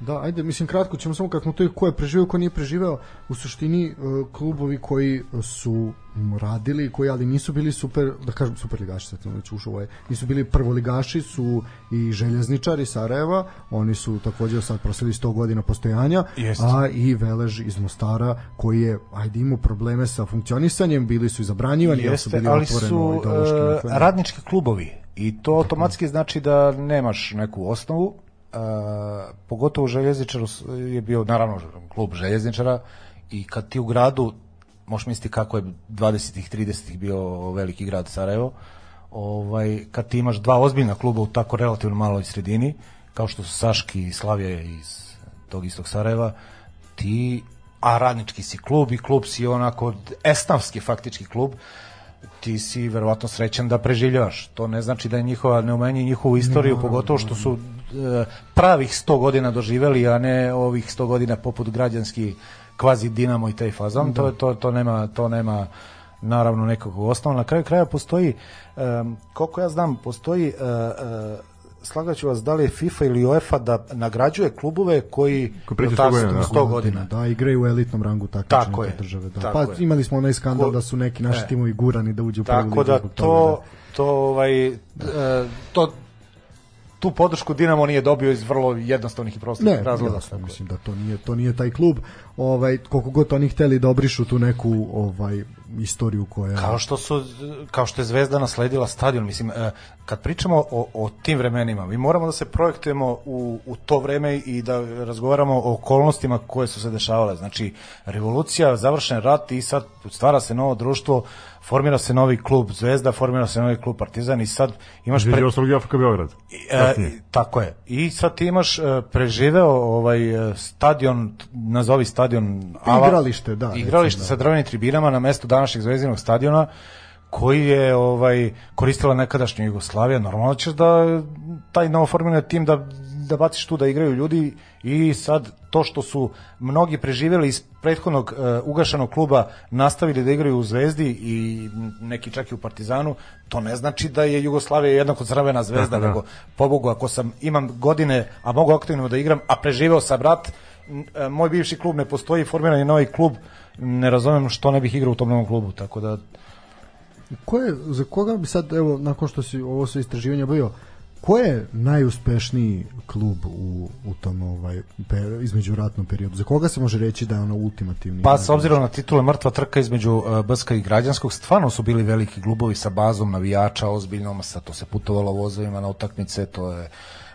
infrastruktura je bila najkvalitetnija u, u državi, reprezentacija Jugoslavije igrala e, na Brskom stadionu mnogo utakmica, tako da s obzirom na okolnosti i na vreme o kom govorimo, stvarno su bili dva naj, najozbiljnija kluba. E, mene zanima da li postoji negde dokumentovano Uh, najveća posećenost uh, da, nekom stadionu. smo pričali već o kartama i o posjećenosti. Pa mislim da je do 25.000 bio bio maksimum maksimalan kapacitet i mislim da je to sasvim korektno bilo. I mnogo I to i to je ove današnje Da, da, da. I, i to je mislim da je uh, formalno bilo 20 naravno to nije bilo sedište, ali formalno je tribina Brskog stadiona starog uh, primala 20.000. Ja čak sam ubeđen da ne, da postoje ovaj zapisi da na pojedinim utakmicama registracije bilo i 25.000 što je nije bilo problematično smestiti a to je ja mislim bio i najveći stadion u, Kad u zemlji. Kod, kod reprezentacije koju smo to spomenuli, spomenuli par puta, a gde je reprezentacija igrala? Beograd, Zagreb? Uglavnom, uglavnom, Beograd, Zagreb. Je, sedište Saveza je bilo u Zagrebu? Prvo u Zagrebu, posle su uoči svetskog prvenstva u Uruguayu prebacili sedište u Beograd. To je bio i glavni povod da da da ovaj da Hrvati bojkotuju. Tako je da se bojkotuje. Hrvat upratili su ih i neki klubovi iz uh, kako se tad zvalo uh, podsavez, Sarajevski podsavez recimo I da, to sam ovaj, video ovde, ovaj, to baš nije bilo najjasnije, tu ste imati jako puno tih nekih podsaveza, sad kako yes, pa tako, tako je, e, Futbalski savez je krovna organizacija, a podsavezi su e, oni koji diriguju takmičenjima i, i upravljaju sistemu takmičenja sa, e, e, u, kom, u kome igraju klubovi za koje sa teritorije koji taj podsavez ima nadležnost. Da, mislim, evo imate Subotički nogometni podsavez, pa imate Novosadski i onda Veliko Bečkerečki ili Petrovgradski što je koji se, Zrenjanin. Tako da. je, Zrenjanin, koji da. se naknadno ovaj, poja formirao. Jednostavno da bi se, da bi se lakše organizovao. Ja sad se opet, da se ne ponavljam, moramo da se vratimo u, u, u vreme vozova i telefona na kurblu. I sad ti moraš da organizuješ bilo kakvo takmičenje, a ne maština je svakako. Da. I da ti organizuješ ne, da ti klubovi egzistiraju. Ti moraš da, da, da na manje jedinice da bi ostvari neka takmičenja pa da imaju prohodnost ka nekoj završnici u, u krajnjoj liniji državnog prvenstva. I verovatno je to i funkcionisalo, jer očigledno da je bilo od 23. do, do, do samog početka rata tako od toga nisu ustupali. Da, znači da je funkcionisalo. Da, da. Pa ili nisu znali za bolje u svakom slučaju. Uh, što se tiče reprezentacije, uh, prvu utakmicu smo odigrali protiv Čehoslovačke i malo je onako uh, eto jedna zanimljiva trivija da je naša reprezentacija u kom god obliku i pod kojim god zastavom i uh, imenom se prvi put igrala yes. sa Česima, da, znači i kao Kraljevina i kao uh, FNRJ ili već yes. ovaj ta posleratna i kao posle ovaj slobodna slobodna Srbija da tako kažemo, ovaj su igrali protiv Češke. To je još jedno pitanje na pap kvizu ko bude bio nekada, da. evo sad ima već dve. I na kraju krajeva Česi kao, već sam pomenuo da su nam mm, bili može da, se uzor. reći učitelji uzor, da. uzor i Vojvodina je na, na, po uzoru na Slaviju i dan danas ima njihovu da. opremu i boje i to nije bilo to nije bila redko. Pa eto, a Hajduk je po osnovno s prijateljstvom sa Spartom. Zapravo prva utakmica jeste odigrana kada je Sparta, Sparta Inače, došla. mnogi, e, mnogi uh, uh, klubovi su imali grb po uzoru na Bečki Rapid. Krug, venac u krugu, da. onda jedan kao štit u gornjem delu i jedna traka na sredini, horizontalno na kome je ispisano ime kluba. Tako ima dosta slučajeva, baš i u ovoj knjizi imate grbove. Jedan od najpoznatijih klubova je SK Jugoslavije iz Beograda koji da, ima baš tako, taj da, simbol. Da, tako. Jednostavno, to je ono bilo varijanta, imaš, oni su bili jako razvijeni naravno, e, Mađari, Austrijanci i Česi, Čekoslovaci, u futbolskom smislu i onda imaš od koga da učiš, ti si u nekom povoju normalno kao aha, u, vidi dobar grb rapida. Čak se i do te mere išlo, znaš, ono, copy-paste. Malo su imali mozga, pa ono, kad, od, da, da, da prepiše od onoga što vredi. I ono što je meni posebno upalo u oko, mnogo, i to ozbiljnih imena uh, uh, iz tog područja uh, su bili ovaj u našim klubovima kao treneri, kasnije su mnogi trenirali ozbiljne evropske klubove i ovaj uh, verujem da je stvarno to i te kako značilo da se to ti klubovi igrači izdignu na kraju krajeva imali ste posle kako je vreme odmicalo iz decinu i decinu mnogo i ozbiljnije rezultate, imali smo dobre nastupe i onom Mitropaku. Upravo, upravo to pitanje, ovaj, znači svi znamo da je naša reprezentacija učestvovala na tom prvom svetskom prvenstvu 1930, ali zapravo smo se tih godina pojavljivali na još nekim takmičenjima međunarodnim. Bilo je, tad je bilo, olimpijske igre su bile do, do nekih čini mi se 50-ih, 60-ih godina 20. veka e, su bile mini svetsko prvenstvo turnir, pa tek je kasnije ukinuto da najjače reprezentacije igraju u futbolu, nego se ovaj do, do 23 godine zbog zgusnutog kalendara. A kad smo kod toga uh, svetskog prvenstva u Urugvaju, uh, Urugvaj je baš zbog toga dobio tako prvenstvo da organizuje zato što su imali ekipu koja je bila šampion na olimpijskim igrama. Mislim da da, ali sad ne, ne, ne mogu da se zakunem, ali u svakom slučaju mnogo je toga bilo, sad je tu bilo sigurno lobiranja i... Da, svakako je da. bilo lobiranja, da. Pritom, ja mislim da su oni čak bili jedini koji su predložili da plate da plate troškove. put. To je, to je, mislim da je to bilo presudno. Mislim da je to bilo presudno i pre, uh, mnoge reprezentacije su i odustale uh, u poslednjem trenutku zbog toga svetsko prvenstvo 30 ima samo 13 učesnika zato što je poslednji su otkazali ja sam sad zaboravio ali znam da je u poslednjem trenutku neka reprezentacija otkazala trebalo da bude 16 njih pa su tri par otkazale i onda je bilo kao 13 skrpi zato imamo jednu grupu E, ne znam, sa četiri tima u prvoj fazi, jednu sa tri u grupi, jednu sa dva i tako dalje, tako da ono, skrpili su taj, tu prvu fazu da bi se došlo do polufinala. Znači imamo učešće na olimpijskih igrama 1920. 20. da. 24. i 28. ali nismo ništa posebno. Pa nismo ništa postigli, ali znaš kako, e, to su futbalski turniri u kojima bukvalno nekoliko reprezentacija učestvuje, pogotovo u toj fazi, e, u tom periodu su olimpijske igre bile daleko ispod onog što danas znači. I to ni, ni, ni malo ne bih rekao samo učešće, sada i da ne budem jako ono, važno i učestvovati, ali zaista je bilo tako, sam plasman i samo odlazak na olimpijske igre znači, i tekako znači. Mislim, s obzirom ako opet kažem, moramo se vratiti na tu istorijsku ovaj distancu da je to tada bilo ovaj čista čista materizam. Čista znači, materizam pa ja mogu misliti koliko je u to vreme koštalo da se ode na olimpijadu. Da, u Pariz, na primjer. Recimo. Da, da. Mislim, vidi, sad je amaterizam, da se ne možemo. Sad je, Superliga je ozbiljan amaterizam, ha. ozbiljan u svemu. Znači, tako da ovo je tad zaista bilo onako jedan pionirski poduhvat. Ja bih volio još malo da se zadržimo na tom čuvanom svetskom prvenstvu u e, Urugvaju. Da, imam jedno pitanje. Koliko je Bijela ovaj posolio? Koliko zapravo sad ovde ima istine ili e, nema To ima fikcije dosta. Naravno. Naravno da ima fikcije i na, to je sad ono da, da nije se pravio dokumentarni film, nego Naravno. se pravio igrani film. A, koliko ja znam, pre svega dresovi nisu bili crveni, ali mislim da su tada crveni, da Jugoslavija nikad ne igrala u crvenim dresovima, ali je tada je bila promocija crvenog dresa reprezentacije i onda kao ajde proguraj. Onda ona priča da, da je, ne znam, banala stvar, prelazi Tirke u Ujpeš dožu. Prvo Ujpeš dože je komunističko ime Mađarske u poslednotno, tada se zvao samo Ujpešt. Prvo to nije tačno. Pa onda ona utakmica čuvena sa Bugarima, to nije tačno. Pa, nekoliko Kako smo mi uopšte otišli na to svetsko prvenstvo? To su bile neke kvalifikacije ili smo mi samo dobili poziv? Na, na poziv, na poziv. Da, znači ta priča s Bugarima nema veze sa. Ali ovaj šta hoću da kažem, to ne treba ni gledati tako, mislim, e, prvo mnogo je lepo što se to uošte snimilo, što se to... Što se pokrenula priča Tako je, što se pokrenula priča, jer to, kao i ovaj, e, ova moja priča o, o, o, o pisanju knjige, ništa ne znaš o tom periodu kao da nije postajao tako i svetsko prvenstvo. Mi smo bili ljudi, bili smo treći na svetu. Mi do, do filma manje više ništa ne, mi znamo da smo bili treći na svetu i to je to. Šta znaš o tome, nemam pojma.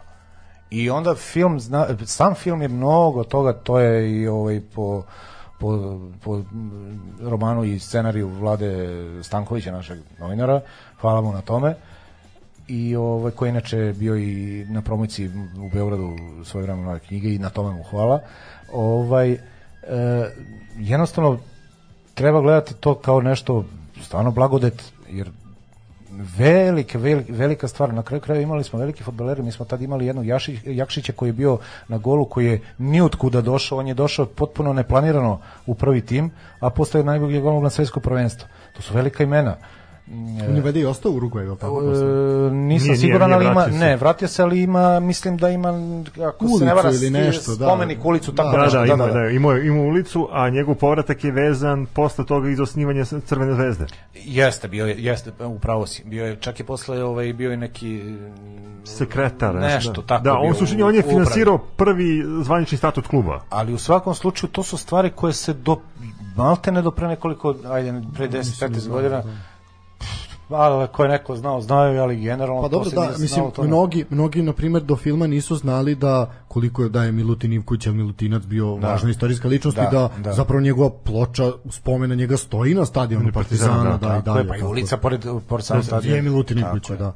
Ovaj tako i mislim ajde dobro mislim aj Bla- Blagoje Marjanović i, i Aleksandar Tirnić su bili poznati javnosti i zašto su bili i, sele, I Tirnić bio jeste, i, i bili da. su stvarno velike imena i posle i, i Moša je bio ozbiljan trener u, u prvoj ligi SFRJ u nekoliko klubova, radio u inostranstvu i stvarno veliko ime. Ali o njima se znalo, kao što se, ne znam, znalo u Zagrebu o Hitrecu od kad ikad, ali generalno šta se to dešavalo kad se malo zagrebe ispod, ispod površine, ti imaš mali broj ljudi koji su koji su mogli da pričaju o tome na, na, na, na osnovano da pričaju o tome. Da, evo imamo kad dresovi su nam bili crveni jer je Miško Todić, žurnalov novinar to tada gurao u vreme ovaj to vreme je pratio Ofka Beograd, bio dobar i sa Terzićem tada kao predsednikom saveza kad je se rodila ideja za film. Da, mislim, ima to sve, naravno da je tu bilo dosta, dosta guranje, ali trebala se dobiti podrška i države za takav jedan projekat. Mislim, tu nema, nema spora uopšte. Pa mislim, Ma, nije, nije sporno, ja samo kažem lepo Da. je lepo što uopšte se je e, napravljen omaž toj generaciji i toj toj i tom takmičenju sad da li je to ovaj e, dokumentarni film ili igrani film ali dovoljno je da, bude nekoga zainteresuje pa da sedne da istražuje, pa je opet dobro. Bravo. Na kraju krajeva imate najaktuelniji ovaj film o Tomi, pa je- mnogo toga nije istinito, Da, pa ali je ali je Ste bio na kraju gledaš tomu? Jesam. I? Pa ništa. Ništa, splako. Nisam plakao, ali ovaj, ne, nećemo o tom i priznaj da priznaj da si da si skinuo. priznaj da te jure. ovaj, jesi delio Ambre link preko... Ovaj, ne, mislim, podeliti Bjelogrliću link sa filma je zaista ultimativni bezobrazluk, ovaj, ali dobro. Ne, ja nisam ja odustao, ja sam odustao gledam. Rekao sam da ćemo, da svi gledam na kraju sam odustao. Ne mogu, kad svi idu da gledaju, neću da me hapse zbog toga. Nek me hapse zbog emisije što live, neću li... Zato zbog I ono što bih još, ako imam vremena do pauze, samo par stvari zaboravit ću. Futbal su igrali izuzetno obrazovani ljudi. Futbal su igrali, e, kasnije su bili Sve e, profesori na doktori, fakultetima, doktori, e, bilo je pevača, bilo je glumaca, bilo je mm, operskih Pa Eto, pevača. Milutin Ivković bio doktor, mislim. Tako da. je, tako da ovaj nije uzelo da ona, ona priča nekad su uh, futbal igrali silotenja, gledali gospoda sad obrnuto. Nego je bilo obrnuto Tako zapravo, je, da. ali sad su ovaj, stvarno iz ove perspektive kapa dole, stvarno ljudi velika imena u, u svojim branšama su prošli kroz, kroz e, te futbalske klubove i futbalske lige u Kraljevini. Da, ovaj, da, pa mislim, ali... Pritom i sami funkcioneri su isto bili ljudi od Naravno. autoriteta u nekom Pa društvu. naravno, Jer su oni, mislim, oni imali sa sobom neki magnet da privuku potencijalne navijače, da privuku i, i neke finansijere, sponzore, kako god. Jer opet imali smo te situacije da je stvarno bilo otežano raditi po nekim amaterskim uslovima. Bila je potrebna pomoć što u vidu opreme, što u vidu finansiranja putovanja, odlaska na utakmice. Da. I ti neki, a ajde sad ovako, može jedno, i to je zanimljivo pitanje, sad ti kažeš kod finansiranja, ko su zapravo prvi profesionalni igrači, kad su oni, kad su igrači počeli da budu plaćeni za to što rade? Ja stvarno nemam tačan podatak, ali uh, oni su na ovaj ili onaj način dobijali neke kompenzacije. E sad, tad sigurno nisu postojali ugovori kod danas i sad da li se to igralo za, za ručak ili za opremu ili za, za neki keš, uh, nemam tačan podatak kada, sigur, i to tvrdim da nisu svi mogli to da dobiju. Da, da, mislim, to je moglo biti ono krem mora, la mora, krem. tako je, moraš da, da vrediš da bi te ja nešto platio da, da bi igrao, ali e, sama em, osnova i e, e, postavka e, egzistencije klubske je em, bazirani su na, na ama- amaterizmu. Sve dalje je nadgradnja, ako se moglo, super, ako se nije moglo, to je to i zdravo doveđenje. Da, mislim, pa dobro, imali ste ta svedočenja, na primer, uh, svako ko nije pročitao knjigu ovaj, o Milutinu Šoškiću, Šole, svakako je to jedna preporuka, gde se bavi nekim drugim periodima, to je već tamo ovaj, 60, 50-ih, 60-ih pa i kasnije, ovaj, u Jugoslaviji, gde i on priča da su u jednom periodu igrali za za ručak. Naravno, suštini, da, naravno. Čak mogu da tvrdim da, mislim mogu da tvrdim, nisam svedok, ali na osnovu onoga što sam saznao kroz arhi, arhivski materijal, e, ništa manje profesionalnije nije e, Partizan kao klub e, u, u svojim najboljim danima u, u 66. u finalu kad su bili vice šampioni ništa profesionalnije nisu kao klub funkcionisali e, čuvena je priča o vrlo neozbiljnoj upravi m, kluba gde se išlo onako Odvojeno, da. ofrljer na, na finale gde su se posle rasprodali ili nisu hteli da ne znam za, za Džak Brašna i Bečejac otišao u Olimpiju i tako dalje i tako dalje e, što dovoljno govori uopšte o pristupu gledalo se na to kao ono pikajte loptu ajde tišina tamo i, i Da. hoćeš nećeš ne moraš mnogo je drugačije bilo u, u Kraljevini Jugoslaviji iako je razmak o nekih 30-40 godina bilo jer se drugačije gledalo na to mnogo im je bitnije bilo da, da ti izguraš taj neki šta ja znam Bska iz Beograda ili ili koji god da, da, da, da dobiješ da na kraju krajeva vrlo se vrlo je bilo osim političkog uticaja vrlo je bilo bitno da li će se finale e, završnice šampionata igrati u Zagrebu ili u Beogradu na, ispalo je i, i, i frka opšta u 30. oko tog premeštaja iz, iz, jer, znaš, centar moći se menja, tu se odnos snaga vrlo menja. Stalo im je. Ja se opet vraćam na tu, eto, 66. Ko danas normalno može da organizuje finale Kupa šampiona, da, da, da, da na taj način pristupiš uopšte toj priči kao super bili najbolji, a naravno da su bili najbolji u Evropi i naravno da su mogli da, da se prošetuju da samo sve drugačije pričalo. Upravo zbog toga je, mislim da je to glavni razlog što je sam taj pristup 91. Džajić sa svojom garniturom drugačije prišao i zato su izgurali Tu, to, se To su, slažem, to su i oni i oni više Da. puta rekli i Vladimir Da, Cvetković i Đajić su to rekli da su upravo imali od koga da nauče znači i Dinamo je znamo igro pa je Jest, izgubio i- pa i imali su Partizan. reper, znaš, ono, isp- nemoj pravimo I istu bilo- grešku. Tako je. Pritom, i- pa, par godina pre toga imala je STU uspeha, pa su i od njih mogli da vide kako se da, funkcioniše, da, da, ali generalno došao, Partizan da, je da. bio reper Crvene zvezdi kako ne treba da, bude, da se je. Pa ponaša. i, kažem, i Dinamo isto tako i svi koji su, pa i Željo i svi koji su došli nekog, do nekog evropskog vrha, da tako kažemo, ovaj, a evo, mislim, bio je skoro intervju Tomislava Ivkovića koji je u tom periodu igrao, da je i on kao igrač iz tog perioda tvrdi da je Crna zvezda imala ubedljivo najbolju organizaciju, su tome najozbiljnije pristupali i jednostavno je to došla kao, kao kruna svega toga ovaj je taj taj uspeh 91. Ništa, ajmo na kratku pauzu pa ćemo ovaj imati još jedan segment i polako privoditi ovo druženje kraju.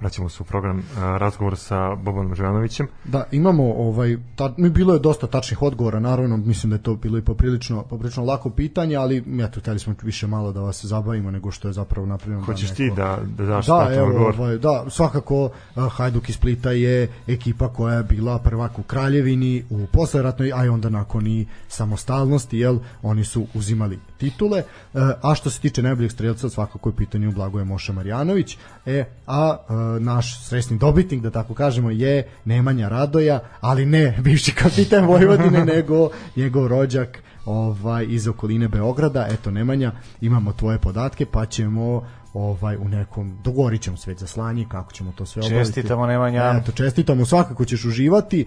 A sad za one koji pošto je bilo zaista jako puno, jako puno ovaj tačnih odgovora, e, kako mogu doći do knjige? Mislim ovo je nešto što treba imati ovaj u svojoj kolekciji, pogotovo neko ko, ko kaže za sebe da voli fudbal, pa domaći najviše. Kako mogu doći do knjige? E, Laguna, a, Dereta i iskren da budem još neki od Ja sam knjižara. da Delfin ima online prodaju. Ima i online prodaje i izdavačka kuća Rad to organizuje, tako da nešto nisam preterano ni upućen, uglavnom ima ih. Ukoliko ne možete da na- nađete u knjižarama, e, ili preko Twitter naloga Da, ili na, prve lige, tako da. je ili preko ovaj broja telefona lično. Ja za uglavnom sam na, na imam određen broj od uh, salagera je e, kod mene lično tako da mogu da, da, da prodajem kao da kupujete u, u, u, knjižari nikakav problem nije. E, ja sam za teritoriju Beograda čak lično do ovaj ljudima donosio popričali smo tako eto malo neko kratko druženje onako na, na ulici. E, pa sad od volja mogu da kažem i broj telefona. e, 069 47 19 701 Pa, ko me se svidi ova priča, nešto sad možda je malo previše da ja hvalim sam, samog sebe, ali zaista ono što je... Mi ćemo na kraju. Ono što, s- ono što je činjenica, ja to je da da- ovako nešto niko nikada Ne, naravno. nije e, napravio i objavio i to je ono što je vredno, a sad da li je moglo bolje, moglo je, da li je moglo gore, moglo je nikako. Mislim, evo, dok vi sad pričate, ja ću pokušati da izbrojim koliko izvora i referencije korišteno u ovoj, mislim da, mislim, ja sam imao dva iz matematike, tako da će ovo biti popriličan problem ovaj, za mene, ali zaista, evo, mislim, Jugoslovenski sport Zagreb, pa ilustrovana sportska revija, Jadranski sport, sport Ljubljana, politika, pravda, e, vreme, Beogradsko, Sarajevski sportski list, službeni glasnik, šport Zagreb, pa evo imate službeni glasnik Subotičkog Supotca, pa novo doba Split. Mislim, onda su tu ozbiljno, ozbiljno, ozbiljno Bilo je, e, e, jedan od izvora je bio čak i e, website e, e, groblja, gde sa, odakle sam izvlačio To je- to je normalno. morbidno, Ja ali da zaista da je izvlačio normalno. sam podatke, pravo ime i prezime, datum rođenja, da, godišnje smrti, pa onda izračunaš koje godine rođeni. Obzirom da su ti ljudi davno, davno već zaboravljeni, ali eto, nisu zaboravljeni upravo zahvaljujući te Bobane. I mom prijatelju Nebojši Naravno, koji je naravno. tu bio, potegao je zaista ogroman, to je najveći deo posla, tu nema dileme. E sad da, evo, korisna internet prezentacija, ovo sad mi je poprilično, ovo je možda i najzanimljivije, ovaj, znači, eto, XU Futbal, Digitalna biblioteka Srbije, Digitalna knjižica Slovenije, Crno-bela nostalgija, e, to su naši, naši drugari, između ostalih i Igor, Igor Todorović Gro, koji Jeste, to zato što je u Partizanu bio je. određen broj igrača koji su vrlo bili bitni i na osnovu toga sam koristio Tako je, neke tako fotografije i ja znamo koliko su se oni mučili na primer ja imam na sve njihove one istorijske sveske ovaj koliko su se oni mučili za period 60-ih, 70-ih, gde nije bilo podataka. A možeš misliti onda šta je bilo 23. kad 60 mogu misliti. Kad smo toga, e, knjiga obilo je zaista se dosta fotografija. Svaka časa isto. E, kako si pronalazio fotografije, kako si uspeo da pronađeš ljude na tim fotografijama, ko su, šta su, obzirom da verovatno nisi imao je to do bilo tada... preko spomenika ili... E, to već nije bilo, ali cele ploče sam stavljao, da. E, e, šalim se, naravno nešto iz e, dnevnih novina, nešto iz tih ovih biltena, nešto sam iz e, kako se zove oni godišnjaci ili kako se zovu a, almanasi fudbalskog e, nekog fudbalskog kluba iz tog perioda pa negde slučajno nađeš onda smo natrčali svoje vremeno na neki e, album sa sličicama iz 20 30 godina bila neka Kako izgleda album sa sličicama? E, ja, sam, ja, ja moram da se tu... tu pohvalim. Ovaj, ja sam imao kolekcionarski primjerak jednog albuma iz 1930 i neke godine koji sam nabavio na, na pijaci Da. i kupio poprilično jeftino, to se Da. sećam i ovaj, baš je bilo kao uh, nogometna liga Jugoslavije i bili su klu- klubovi, klubovi su ovaj prezentovani sa 5-6 uh, najbitnijih igrača i to je to to je imalo možda 7-8 strana. A, još jedna ovaj, nama draga ovaj, internet prezentacija, reprezentacija.rs se nalazi na ove, ovaj, da, to je. Ovaj, ne, zaista. Bilo ovaj, u, u Beogradu uh, svojevremeno u centru grada na, na, otprilike na mestu današnjeg, to jest današnjeg, pod nasima navoda više ni to ne postoji Beko, znači u samom centru grada fabrika čokolade Šonda se zvala privatna fabrika, čovjek je sponzorisao uh, album i mogu reći vrlo kvalitetan album, vrlo kval- kvalitetne sličice uh, su bile sličice ili fotografije? Sličice, sličice. I ovaj, to je išlo u paketu sa čokoladom kao nekad ono životinjsko carstvo, ne znam da li to pamtite. I ovaj, E, e, tu su bile kvalitete s- čak, čak sam tu našao evo i to je zanimljiv podatak e, na tom albumu e, na prvoj ili drugoj stranici bila je fotografija pehara koji se dodeljivao e, pobedniku ali pehar e, fabrike čokolade nigde sem tog pehara nisam naišao na, ni na jedan podatak da, da se e, šampionu države u, u, u, uručivao pehar. pehar, čak sam ubeđen da nije ni postojao e, pehar za šampiona države u predmetu periodu. Eto. Jer je prosto nemoguće, pored tolikog arhivskog materijala da nikad ne natrčim ili bar u nekoj rečenici da je uručen pehar ili šta već. E, pehar tadašnjeg nogovetnog saveza, kako se zvao. Da. E, Da, po- postavio sam pitanje za, za fotografije. Kako ti je bilo dok si tražio, e, na koje si ljude nailazio, kako si do njih dolazio? Uh, imao sam sreće, to jest imali smo sreće da, da natrčimo na nekoliko, to jest oni na nas, potomaka tadašnjih futbalera, od kojih smo dobijali određeni broj fotografija iz privatne arhive i ja sam takođe upoznao jednog čovjeka iz Beograda koji se bavi uh, stvarno po pokazao mi taj album, ja sam se frapirao koliko je to originalne fotografije iz tog perioda, to je stvarno jedno blago neviđeno, fotografije futbalskih igrača i, i, i klubova i stadiona i šta već. E, nešto što je, kako bih rekao, e, svaki put kad vidiš e, i ole kvalitetnu fotografiju, jer ja sam e, zbog štampe pokušavao čak i iz novinskih izveštaja kad je bar malo kvalitetnija fotografija da, da ubacim, jer kad se printa knjiga da to ne, ne liči na mrlju, nego da, da liči bar na nešto, ali kad god natrčiš na bilo kakvu fotografiju novu ili bolju od onog recimo igrača kog si već imao, to je, ne znam, neopisiva, neopisivo zadovoljstvo, jer kad radite nešto što volite i taj neki entuzijazam koji vas pokreće, to je svaki novi onaj neki dodatni poen, jedna nova kap, to znaju, evo malo pripominjeno i pozdravljamo ih ovim prilikom Aco iz Groa, iz uh, moje prijatelje takođe, arhivatore, arhivatore uh, uh, znaju oni o čemu pričam. Kad dođeš na novi, na, nađeš na novi podatak na ovu fotografiju iz koje god priče da, da, da, da ti se da, da ti dođe u, u ruke, to je neverovatno zadovoljstvo, jer ti um, prelaziš neki prag e, moj kolega Nebojša je e, bio toliko bandoglav u pozitivnom smislu da je uspeo sam da skupi na, na, na volšeban način svako ime i prezime svakog futbolera, bilo ih je nešto malo ispod hiljadu koji su bar jedan minut odigrali u, u, u ligama Kraljevine od 23. do 40.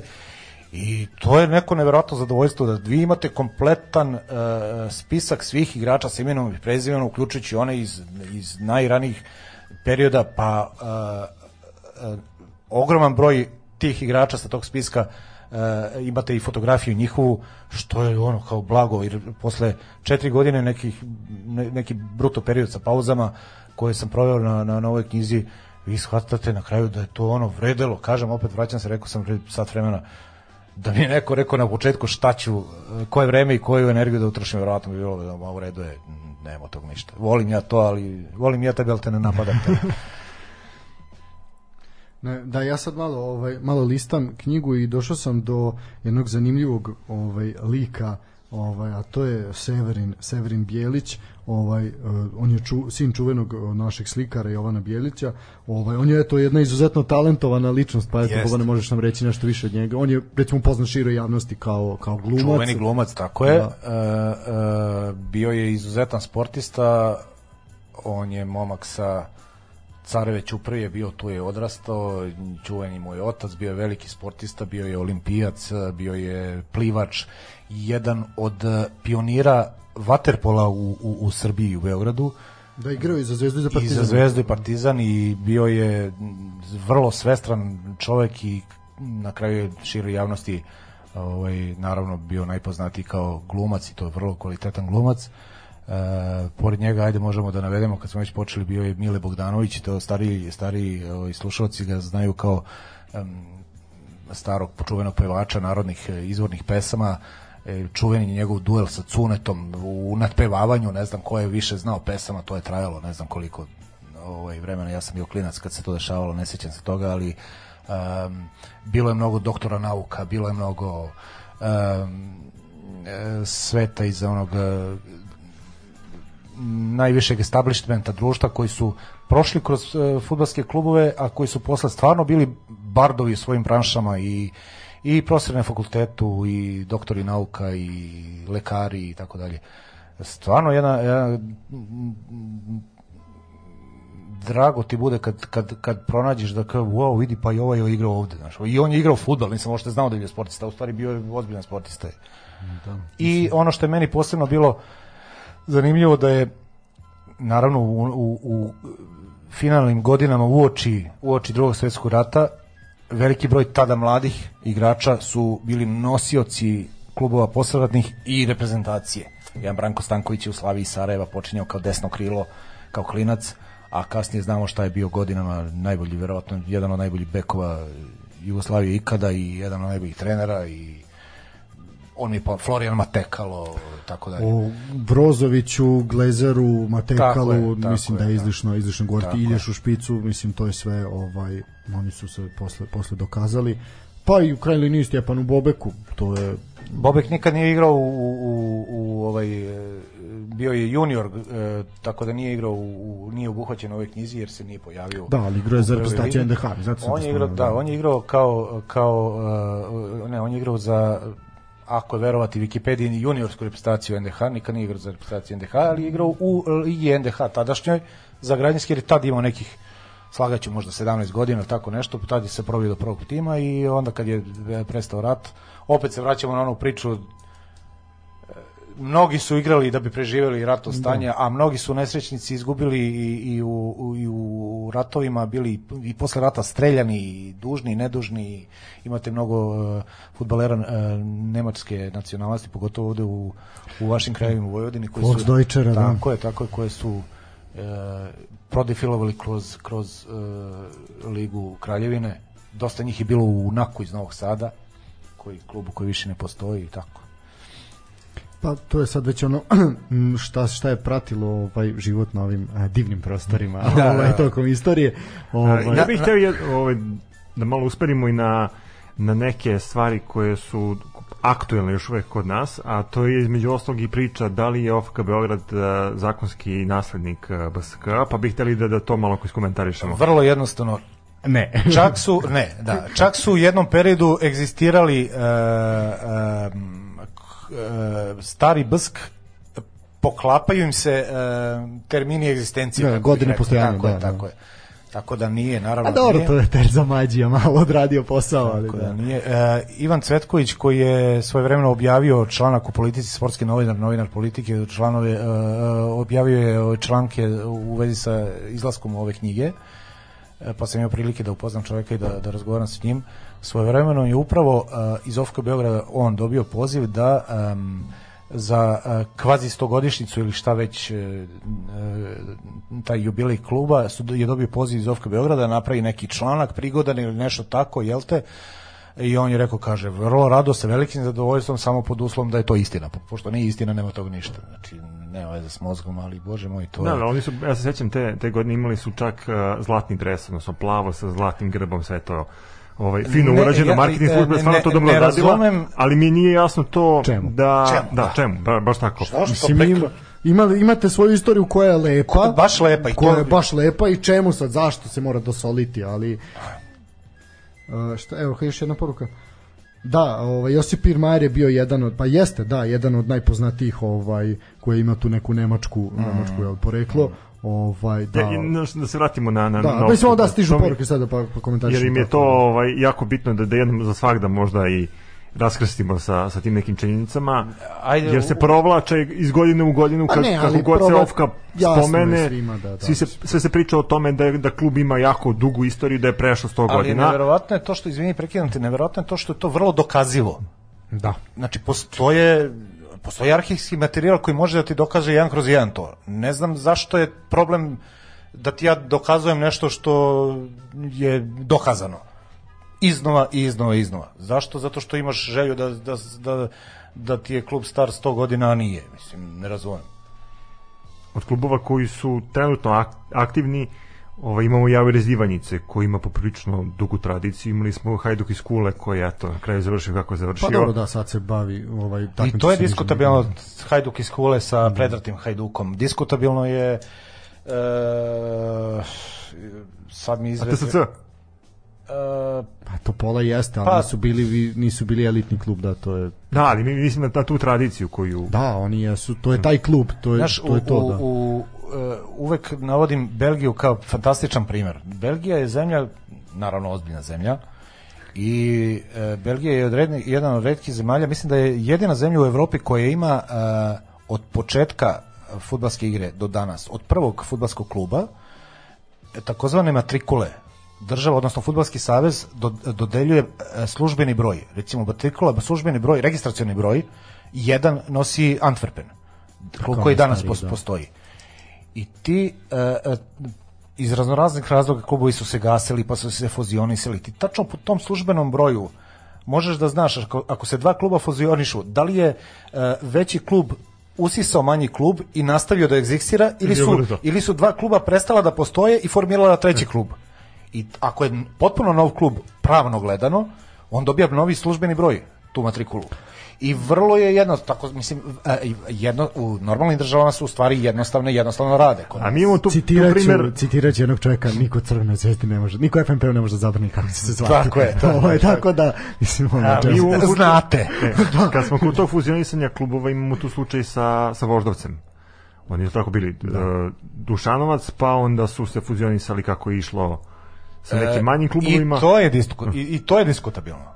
Sad ja ne, ne bih volio da zvučim kao sad da, da pametujem, ali i to je diskutabilno. Da li je Voždovac Voždovac, da li je Voždovački, Voždovački nekada probendio klub, da li je bio Dušanovac, da li... Sve je... em, hm, Hajduk iz Kule sigurno nije onaj e, Original. onaj stari e, original Hajduk, Hajduk iz Kule. Iako e, ima na drugo je nasleđe, ako ti možeš naš e, e, klub koji preoza na sebe nasleđe, ali to je nešto drugo, to je okej, e, baštiniš tradiciju kluba na osnovu nekog bivšeg kluba jer iz istog iz iste varoši, pa ajde što da ne, ali ti formalno pravno gledano nisi taj klub, nije, nije kao što je 45.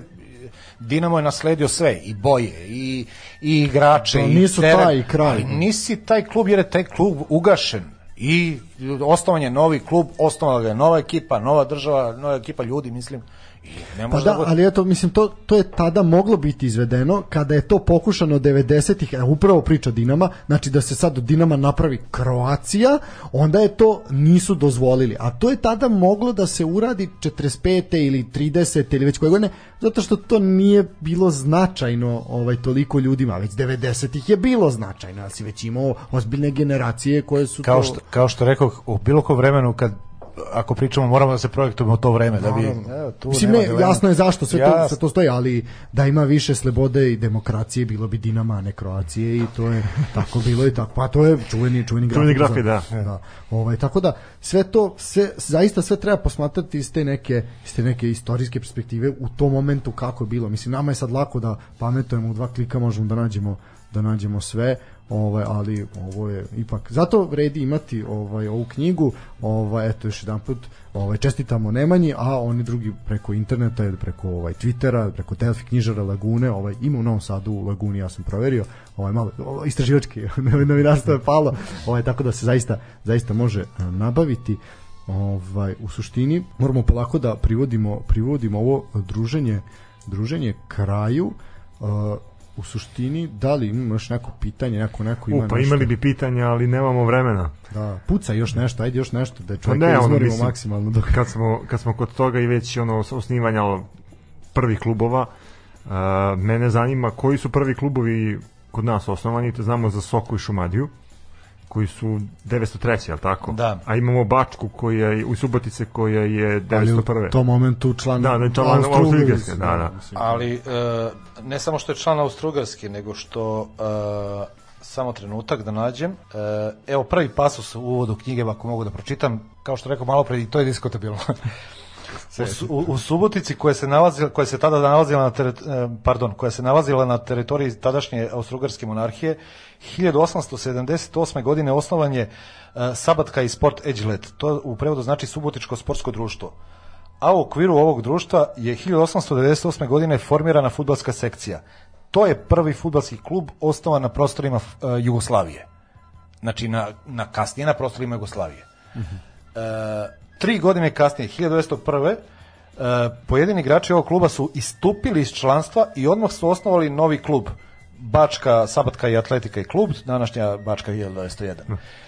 Zašto je disku, diskutabilno? Pa je Bačka sad prva ako su iz ovog prethodnog kluba e, e, istupili i postavili Bačku? Može se reći da je prva na teritoriji e, na, e, iz nekog grada koji je pripadao teritoriji Jugoslavije naknadno. Ali nije prvi klub je, i klub jer je i ovaj klub iz Subotice, je li tako? Upravo Dobro, tako, da. da li se može onda reći da je sad Bačka, na, FK Bačka 1901 postoji i dalje. Znači, da li je to najstariji aktivni Aktiv- mo- moglo bi se tako nešto Mislim, to je ono pitanje Sheffielda i Notts County-a, ono šta je starije, da. Tako je, Sheffield FC i Notts County. Da, da, ovaj- Notts County je najstariji ak, aktivni.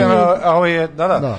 Hoću da kažem, e, naravno da zavisi kako se gleda, ali ako pričamo o činjenicama i sad da smo neki pravnici pa da sad to e, presuđujemo i da donosimo konačnu odluku sa sve onim udarcem Čekića u sto, da vome, ovaj, moralo bi to dobro da se da se polemiše pot, i potkoje ovim materijalom i, i nekim arhivskim materijalom, jer realno gledano, ako ti osneš klub iz nekog već postojećeg kluba, a istupio si članovi društva, sad nas trojica smo članovi nekog kluba, istupili i osnovimo klub.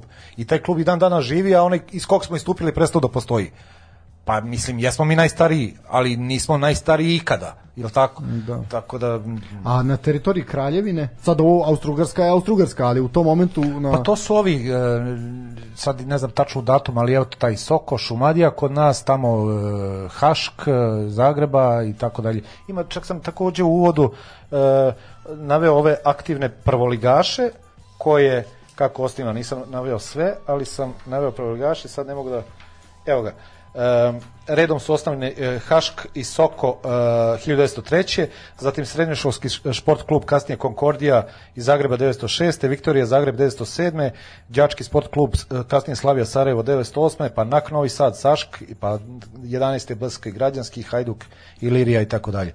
Čak na grbu, kad već pomenuh Iliriju, na grbu Olimpije današnje, koja nema veze sa onom Olimpijom Uh, i to nogometni savez Slovenije jasno i glasno oni to da, razdvaja ih, da. ali oni imaju gr na grbu 1911. što je godina osnivanja Ilirije da. koja je, može se reći da je neka vrsta preteča, ali to taj klub nije, nema, nema, nema veze. Nema, nema veze.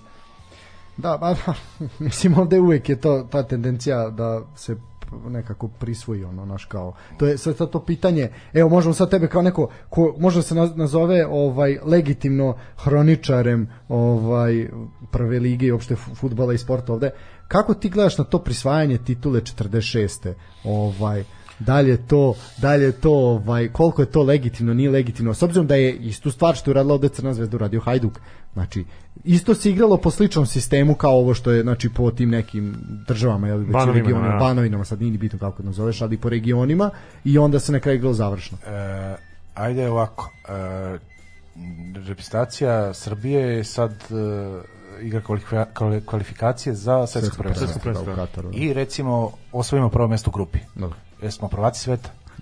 Lepo rečeno. Le, ne, nema šta. Te pokušam da napravim pitanje, nema šta sve. Pa ne mislim. Pa jasno, mislim, nema ljudi, šta, ajde. da. Mislim, da, Ali dobro, to je sad opet, opet ta neka... Mislim, ajde sad mi ovo se pričamo, ovo je period, znači od pre skoro 80 i 90 godina. Mene jako zanima kako će to kako će neko o ovom periodu koji mi sada dokumentujemo, pa čak i u našoj ovoj emisiji, da. kako će neko pričati za jedno 50, 60, 70 godina? Krasti će se, verovatno će se krstiti.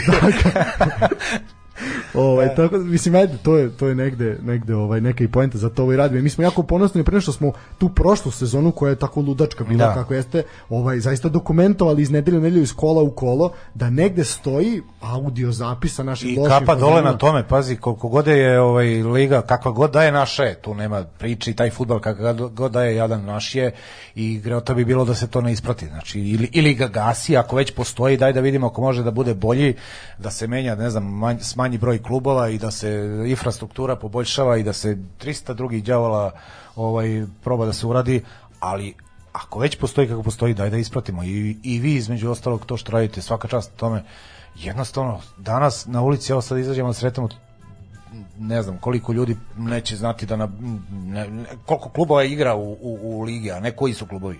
Koji, Dobro, to je već teško pitanje i za nas. Pa ne, hoću, hoću da, da kažem, ne prati se jer je kvalitet da. nizak i to je što je i onda ajde, Bar je vaš entuzijazam za svaku pohvalu.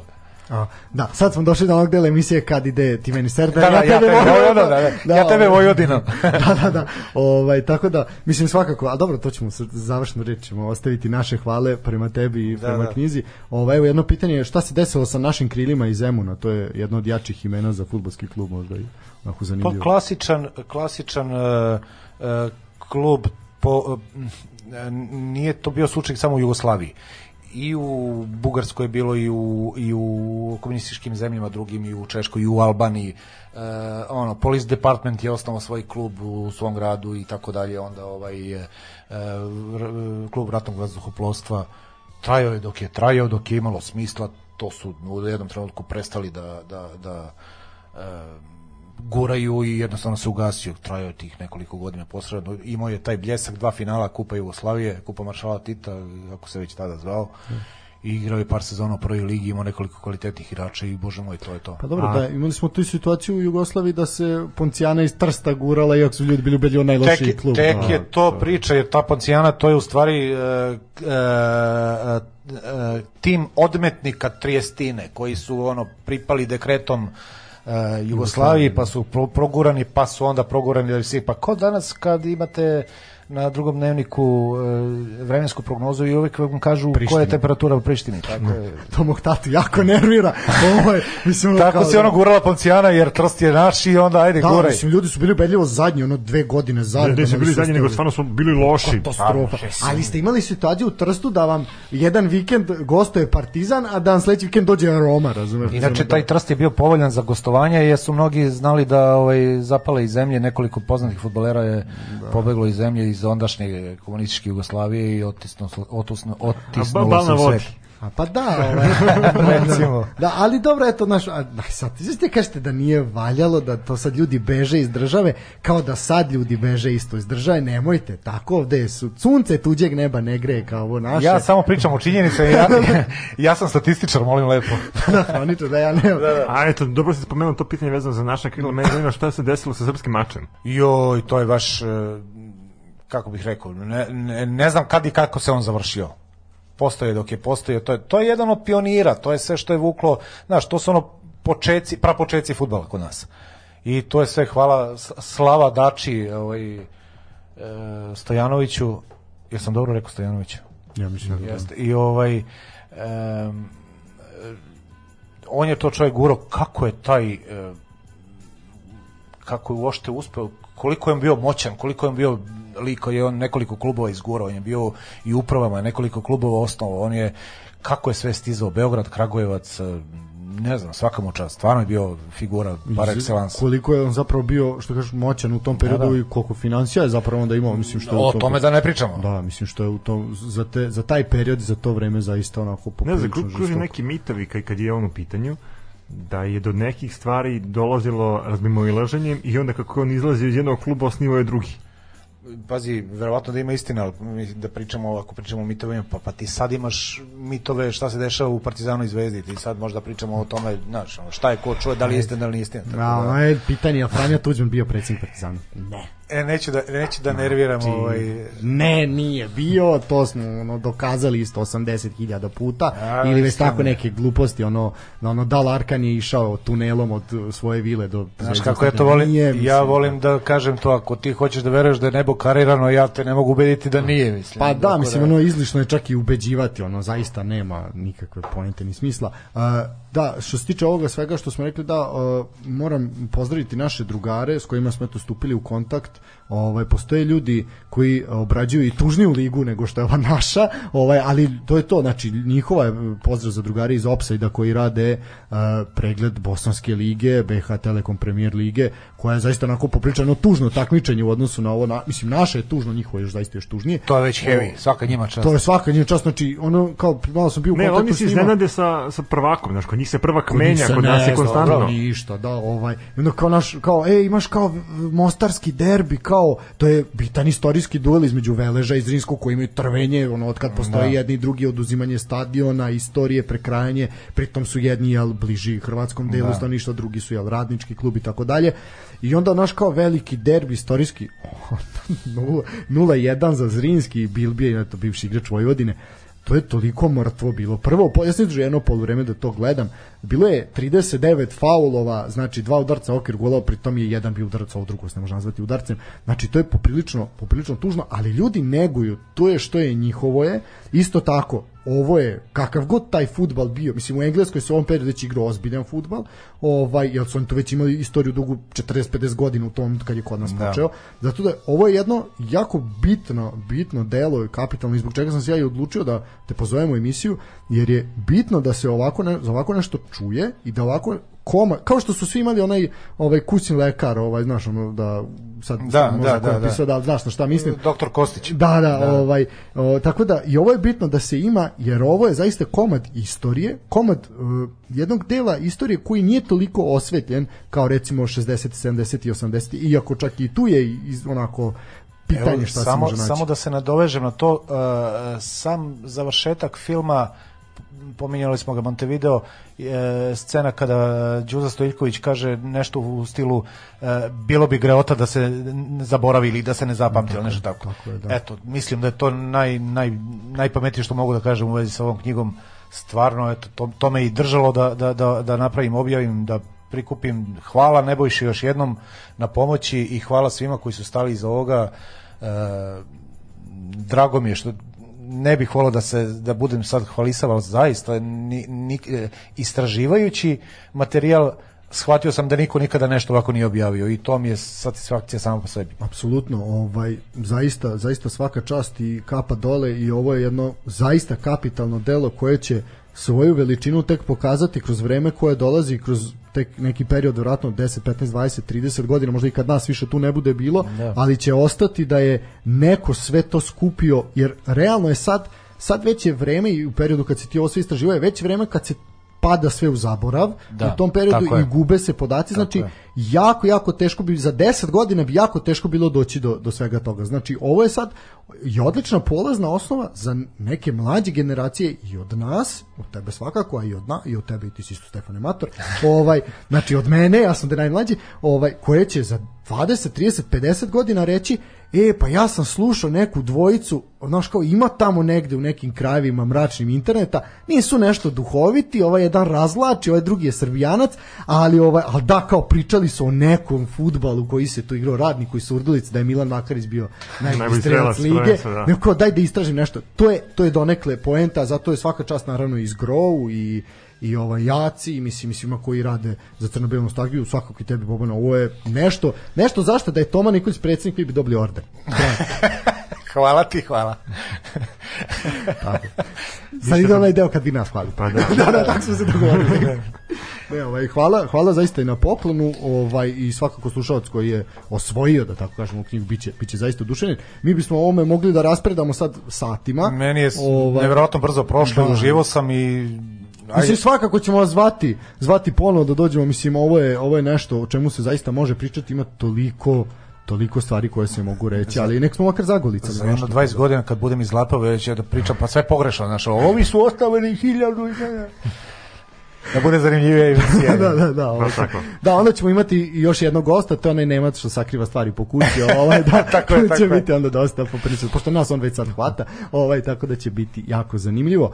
Uh, u suštini, ljudi, imate evropske duele uh, Partizana i Crvene zvezde, imate našu ligu, ABA liga se zakuvava, počinju takmičenja i u Evrokupu, Euroligi, sve ono naravno što je zanimljivo. Imate ovaj vikend trku u Ostinu, u Teksasu, Formule 1 to će biti poprilično zanimljivo, ova dvojica se kolju isto za titulu, tako da bogat sportski sadržaj, reprezent- reprezentacije su otišle na mesec dana, hvala dragom Bogu, možemo končno da uživamo u futbalu dobrom, ne tu gledam reprezentaciju, sve do prenos Namibija, ekvatorijalna Gvineja, došlo me se obesim, znači ono, još je Mozart sponsor, aj prekinite više iskačite iz frižidera. Ovaj ništa, Bobane, tebi zaista hvala, od mene toliko, Stefan. Hvala vama obojici, pozdrav svima i stvarno bilo mi je, o, baš sam uživao. Eto, to je bilo to za večerasnje izdanje sportskog pozdrava. Uh, slušamo se narednog puta, do tada sportski pozdrav.